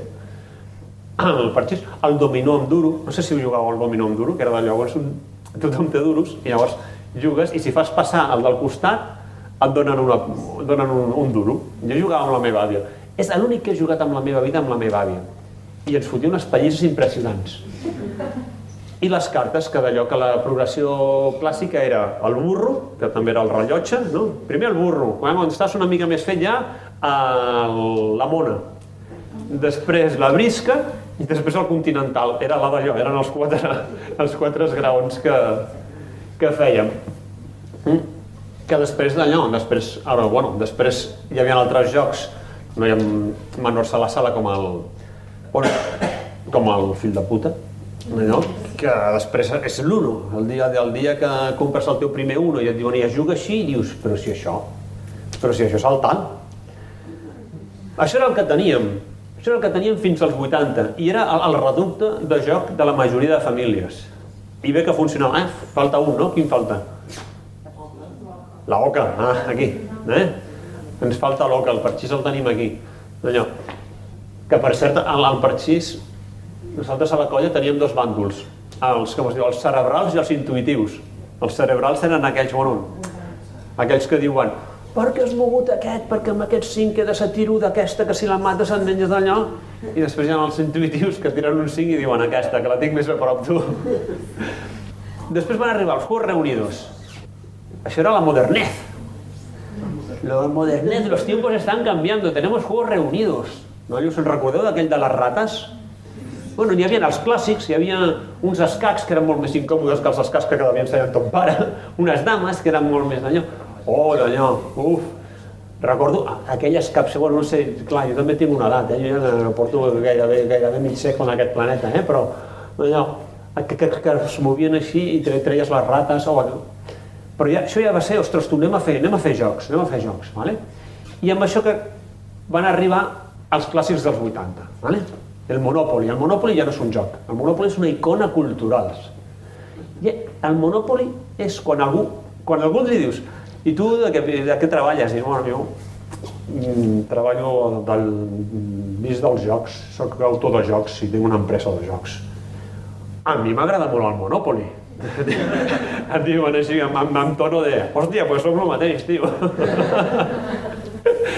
vale? El Monopoly era la bomba, però en su momento, no sé si us en recordeu, quan jugaves, que era interminable. L'agonia, l'agonia de veure que el ton germà tenia tres bitllets de 50.000, aquells vermells, i que tu tenies dos de 100, i que acabaves de caure al seu hotel, i, i havies d'empanyar, val? En el seu moment van ser la bomba, però avui dia perviuen perquè són, en el cas del Monopoly, perquè són icones culturals. Perquè ara hi ha jocs que realment li treuen tot el suc, tot el que hem vist al llarg de tota la xerrada, tot el, tot el que ens aporta el joc a nivell de vivència, a nivell de relació, a nivell de diversió, que en el Monopoly no ho trobem. Això sí, és una icona, vull dir, allò. Evidentment, hi ha monopolis de totes les ciutats del món, però també hi ha un monopoli mundial, però també hi ha monopolis del Barça, també hi ha monopolis del Bob Esponja, i l'altre dia em vaig trobar el monopoli del Walking Dead. Sortia, sortia amb uns zombis, gent corrents, armes, trossos de persones i el tio rico així, en el logo, somrient amb un feix de bitllets d'aquí. Vull dir, ja ha traspassat tots els gèneres. Eh? Després va arribar el Trivial Pursuit. El Trivial Pursuit també va ser una revolució. I és un bon joc, però ara quan veiem els altres, els d'ara, veurem com això també s'ha quedat enrere. També havia jugat molt al, al Trivial i és divertit. L'encarregat ho ha portat 17, l'empresa 17, la primera vegada. Ja vaig que MB tingués el seu propi eh, distribució aquí. I m'explicava que van vendre 99.999 i que se'n recorda perquè en el, la, en el calaix, en el calaix de, de posar les comandes només admetia cinc xifres i va ser el primer joc de la història del, de l'empresa que, va de, que va donar la volta al marcador. Va ser un bombasso. El risc, ja el sabem, el risc que, que tots vam descobrir que era Kamchatka i per què no ens vam descobrir que era Kamchatka on, on estava Kamchatka i per què no ens importava on estava? Perquè no, només l'hem sentit el, el risc i el tabú. Però mira, d'allò, un joc i so, van ser jocs estupendos en el seu moment. Però és un joc de, que, de comprar coses per ser que més diners té i arruïnar els altres. Explicat així, eh, en dos braces el Trivial és un joc de, sempre, de, de mostrar que ets tens més coneixements al teu cap que tota la resta. El risc, mm, no cal que m'estengui. És un joc de conquerir el món derrotant els exercicis dels altres. I el tabú ja començava, ja comença, ja comença a clarejar. Un joc per equips, és un joc divertit, que te posa en pràctica una, unes, unes habilitats per comunicar-te. Mm? Però estem, aquests són els 80. Però què tenim ara per jugar en família? A veure, la família és el, ara ho dic així sona una mica, una mica historiat, eh? però la família és el nostre lloc en el món. Vull dir, la família és on, on arribem a aquest món, és on creixem com a persones, és com a, on aprenem a comportar-nos com a tal, a relacionar-nos. És, el, és, el nostre, és el nostre punt de referència. Com a família ens donem, vull dir, ens, ens donem, ens estimem, ens, ens satisfacemos les necessitats bàsiques, menjar, higiene, dormir, refugi, tot, i aprenem com relacionar-nos. I hauria de ser, i ha de ser també un lloc on nosaltres puguem treure tot el suc. Ha de ser, perdoneu, eh? vull dir, estaria bé. Tot el joc. Què passa amb el joc? Que surt sol, vull dir, tu deixes un nen sol, juga. Però no està de més allò que dèiem, la programació bàsica, la del Windows, que ens ve raspat, mirar de trobar el moment o de trobar el, les maneres d'actualitzar-lo i de fer alguna que no sigui, que segur que ho fem, eh? igual que anem, viatgem, riem, expliquem acudit, però el jugar és una cosa que ens uneix i que ens fa gaudir dels altres. I és algo totalment i absolutament gratuït. No té més finalitat que el passar-t'ho bé amb els teus. Suposo que d'allò tots devem tenir una pila de jocs una pila de jocs familiars d'aquells que d'allò que després expliques als altres i bueno, d'allò no sé. Però que després quan parles són molt transversals. Per exemple, no sé, sabeu el, el de buscar cotxes grocs. No sé, quan, no sé si vosaltres jugueu. Molta gent juga a buscar cotxes grocs. A la meva família s'hi juga. Un cotxe groc un punt. Després s'ha anat complicant. Un mini 3 punts. Un descapotable 5 punts. Una vegada el vam veure un mini groc descapotable. Vam passar mitja hora fent l'equació Però què tornem a al començament, què m'importa a mi veure un mini groc descapotable? No m'importa res, però ho hem decidit, a, a la meva gent, hem decidit que allò és molt important i que ens farà molta risa quan ho trobem i que qui ho vegi ho dirà tots els altres i els altres li diran, ostres, quina sort que has tingut. Mm? Això, el tenir aquesta estona, el tenir aquesta complicitat que ens dona el joc, és, és una que, que està bé tenir-la en compte i no deixar-ho passar. Ens cal per jugar? Bueno, això és un clàssic, vale? però anem a llegir un plan de família. Què cal per jugar? Espai. Les cases no són grans, és veritat, però per jugar a jocs de taula ens cal una taula. Mm? Això ho tenim cobert. Companys, vale. abans teníem tres germans, ara tenim un i potser dos, i de vegades allò, però bueno, no som els nostres pares, que ens estaven tot el dia, anem atabalats, però jo vaig menys atabalat que el meu pare, per exemple. Vull dir, podem treure, i som conscients de moltes més coses. Vull dir, la nostra... quan estem amb els nostres sabem que podem dedicar. Són bons companys de joc els pares d'avui dia. Mm? Materials. Hi ha un nen a l'Occident industrialitzat que no li sobrin joguines? El problema en totes les xerrades és no sé què fem als jocs materials, no hi ha problema. Quines són les dues coses que podem incidir? El temps. El temps sí que és... Hem de reservar un temps. Vull dir, ells jugaran sempre, però hem de buscar quan es juga, en quin moment es juga. Els anglesos diuen allò del children see i children do, no? Vull dir, els nens, els nens veuen, els nens fan. Aquí d'allò també hi ha una versió una mica més, més com es diu això, pragmàtica, que diuen fes el que et dic, no el que faig. sí, sí, sí. Si a casa es juga o si a casa hi ha jocs i si a casa veuen els, ens veuen com a pares o com a adults, perquè al cap i a la fi els nens, vulguin que no, acabaran fent el que nosaltres fem. I és veritat, vull dir, nosaltres som el, el, el model. Si veuen que hi ha una valoració, i anem al cinquè punt, i que es dedica temps a jugar, jugaran de forma natural i podrem gaudir tots d'aquest regal que és el poder jugar plegats i el poder anar per la vida amb, amb actitud de joc. Mm? I com que aquesta és una xerrada sobre jocs de taula en família, sí que voldria recomanar alguns jocs en concret. Ho he fet en tres franges, a partir dels 3 anys. Vale? La primera seria a partir dels 3 anys. A partir dels 3 anys, ja sabeu, els nens de 3 anys ja són funcionals. Ja no porten bolquer, ja caminen, ja parlen, van a P3, ja saben que hi ha coses que es poden fer i coses que no es poden fer cosa que és una de les grans virtuts que aprens amb els jocs de taula, el respecte de la norma, el que perdre no passa res perquè pots tornar a fer una altra partida. Mm? Aquest tipus de coses. I això ja, ja els capacita per començar. A partir de 3 anys hi ha uns quants jocs, eh? vull dir, alguns seran per a tres clavats i altres dependran del nano. Cadascú amb la seva programació i cadascú té el seu bagatge. Però bàsicament, un dels primers que el teniu aquí fora, el Frutal, d'Ava. Ava és una companyia alemanya de jocs impecables. Vull dir, qualsevol joc d'Ava no, no passa res, no us ho penseu, el podeu comprar. Home, podeu preguntar, eh? ja de més i de menys, però són molt bons. És un joc cooperatiu, a més a més. Ep, ja no és la oca, eh? Allò, mira, jo he ganado. He ganado perquè he arribat abans que ningú i vosaltres tal. Voleu la revanxa? No. Aquí hi ha un senyor que és el dolent, que ni tan sols és un dolent, perquè fa el que fan ells, que són els corps, que és el corp d'aquí al centre, i o guanya ell o guanyem nosaltres. Quan anem tirant, anem recollint fruita i ell es va muntant i quan s'acaba, es munta, bueno, s'acaba la partida. És un joc cooperatiu.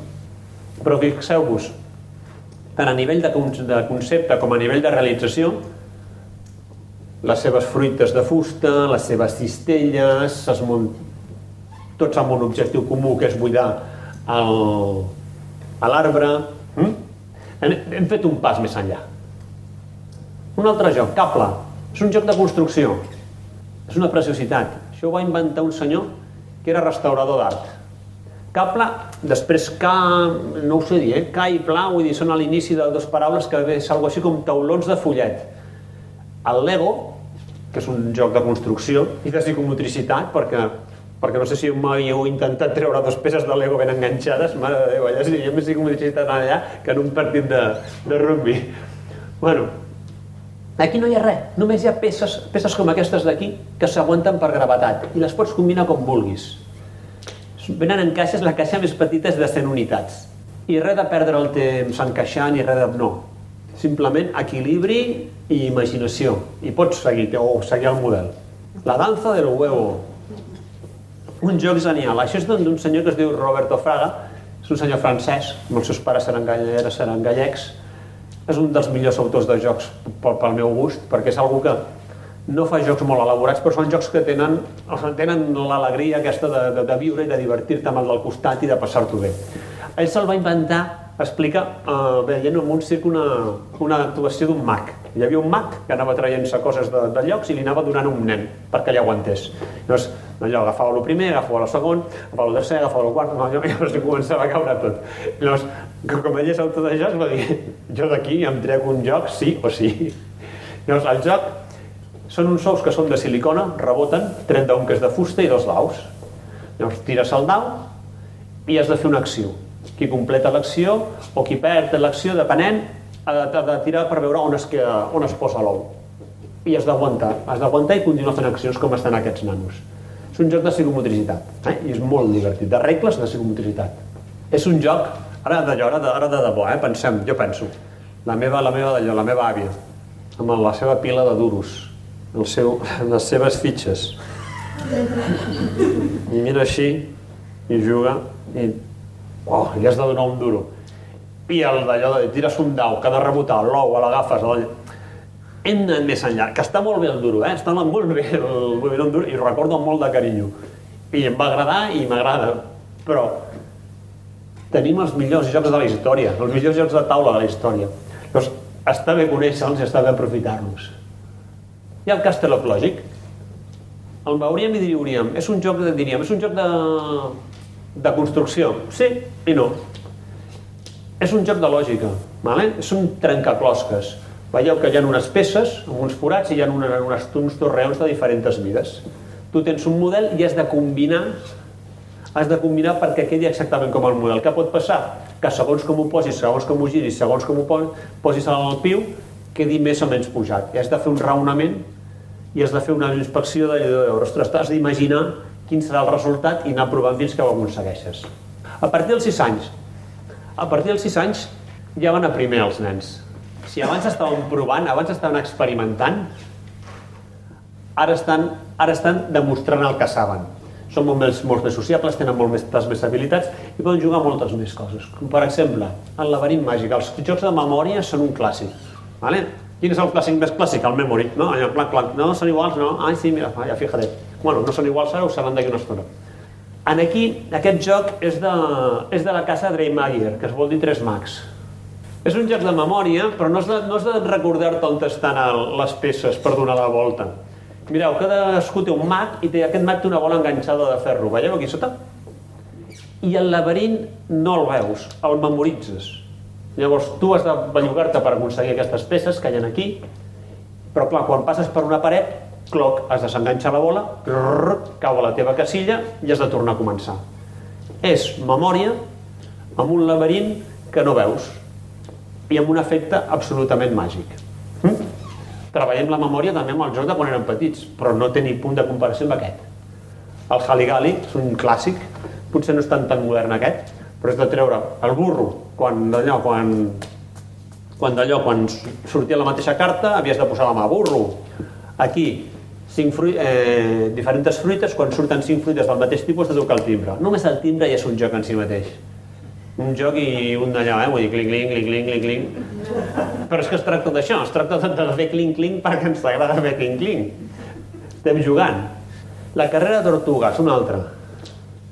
En aquí, una sèrie de tortugues que es mouen amb cartes ningú, i en, guanyar la tortuga que arriba la primera. Què passa? Que ningú sap quina tortuga portes. Llavors has d'anar amb dissimulació, allò de dir, bueno, i pots moure qualsevol tortuga amb les teves cartes. Jo moc la groga, tres. Allò, dissimula, perquè com et vegin et començaran a menjar el terreny. A més, hi ha tortugues que no porta ningú.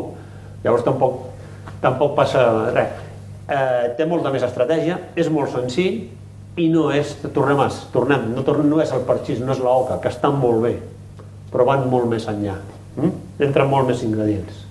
I el fantasma Blitz, qui no el conegui i tingui nanos, mm, pot anar directament ja a comprar-lo. És una petita meravella.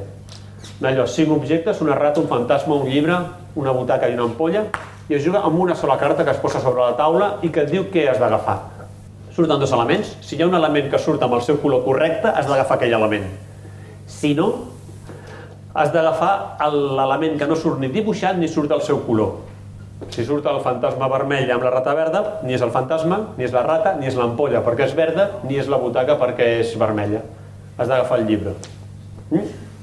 Està... Les mil primeres partides costa. No, de debò que és un joc per totes les edats i que tu passes bomba i que enganxa, eh? Un joc de reacció. I finalment a partir de 10 anys. A partir de 10 anys, el que puguin fer en 10 anys, ja després ja és virtuosisme. Ja poden, poden jugar a gairebé tots els jocs que hi ha en, els, tots els formats de joc. Després, evidentment, hi ha jocs que d'allò que, que has de tenir 12, 14, 16, però ja pots tenir. El Dixit, el Dixit és una meravella. És un joc sobre emocions, és un joc sobre sensacions. Vosaltres recordeu quan érem petits que jugàvem al, al diccionari? Doncs jo el dic, allò agafes el diccionari, obres per una, per una pàgina i diu cornucòpia Ah, no, la cornucòpia no, perquè ara amb els Juegos de l'Hambre tothom sap el que és una cornucòpia. bueno, d'allò, cornucòpia, llavors tothom agafava un paper i es puntava, i s'inventava alguna cosa, menys el que havia llegit la, pregunta, eh, la paraula, que apuntava el que realment significava la cornucòpia. Llavors tothom es posava al mig, pim, pim, pim, pim, pim, i es llegien totes, i tothom votava quina creia que era la bona. Qui encertava la bona, punt. Però qui li colava la seva definició a un altre, punt per ell per haver enganyat també. Un senyor es va inventar aquest joc, que és el mateix. Eh? Vull dir, tu tens unes cartes surrealistes, molt oníriques, i llavors agafes una i, i dius això a mi em recorda el ball, el ball de la solitud. Bueno, anem a dir alguna més, va, alguna més això. Riallada d'unicorni. I poso la meva carta. Llavors tothom té cinc cartes i dius, ostres, riallada d'unicorni, del que tinc jo aquí a la mà, què passa per riallada d'unicorni? Aquesta. Barreges i és exactament el mateix. Si encertes la, de la persona que... Allò. Aquest senyor va tenir aquesta idea, que és una preciositat, que et trenques de riure, la va portar totes les editorials, totes li van dir que no, i va crear la seva pròpia editorial per fer-la, per fer el joc.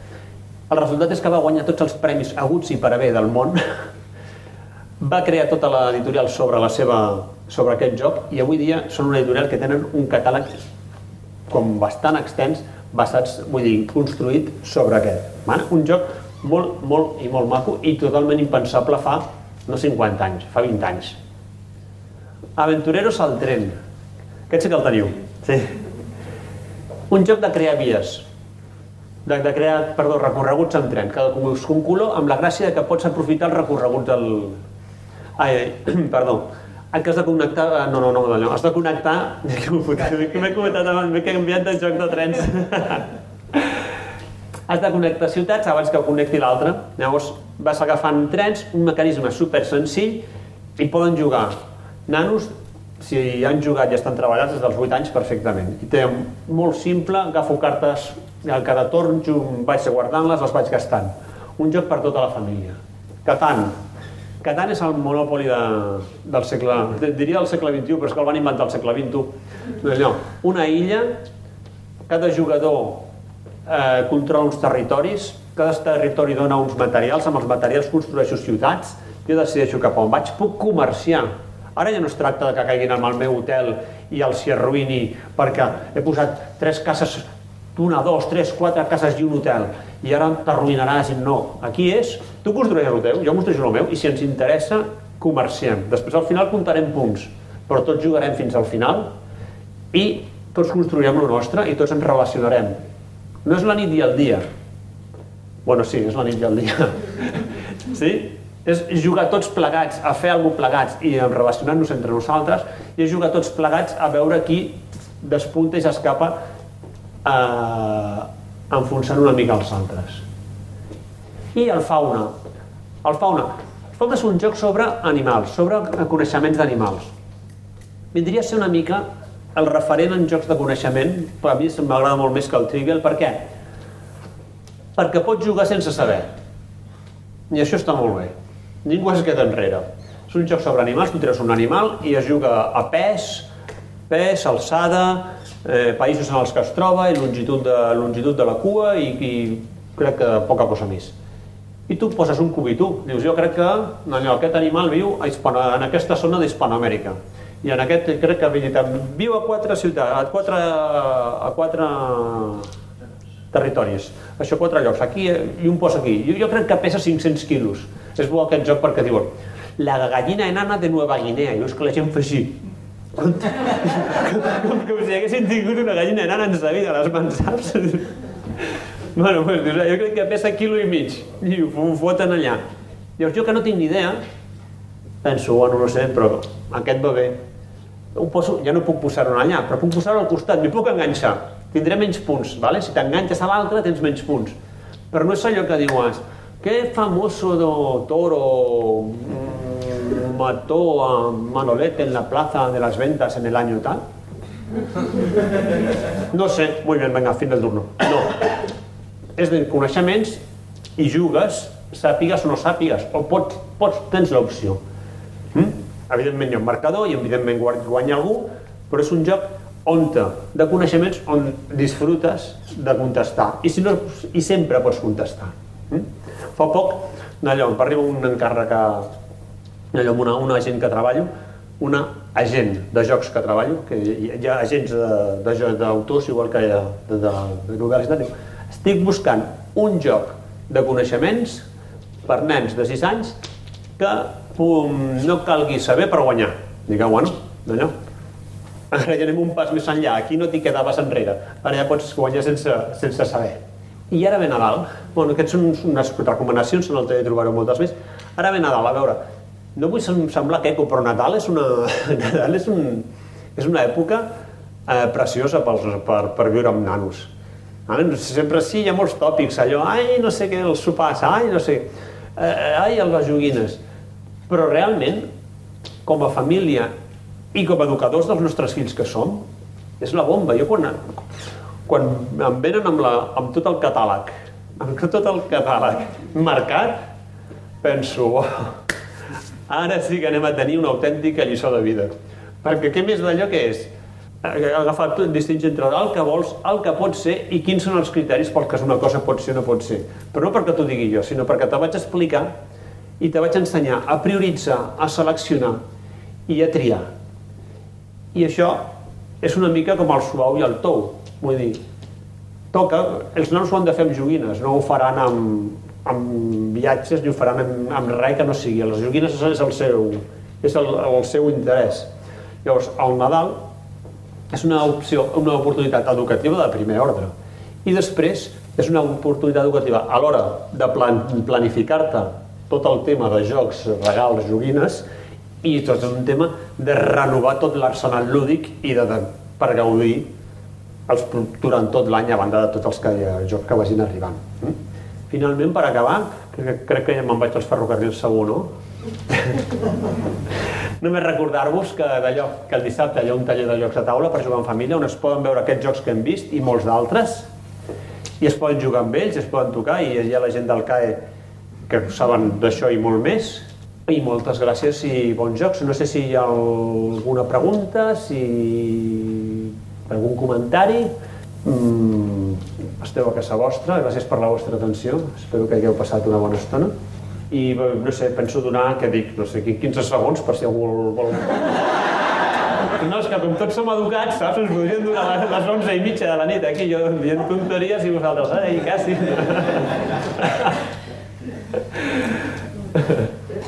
Sí, pues gràcies.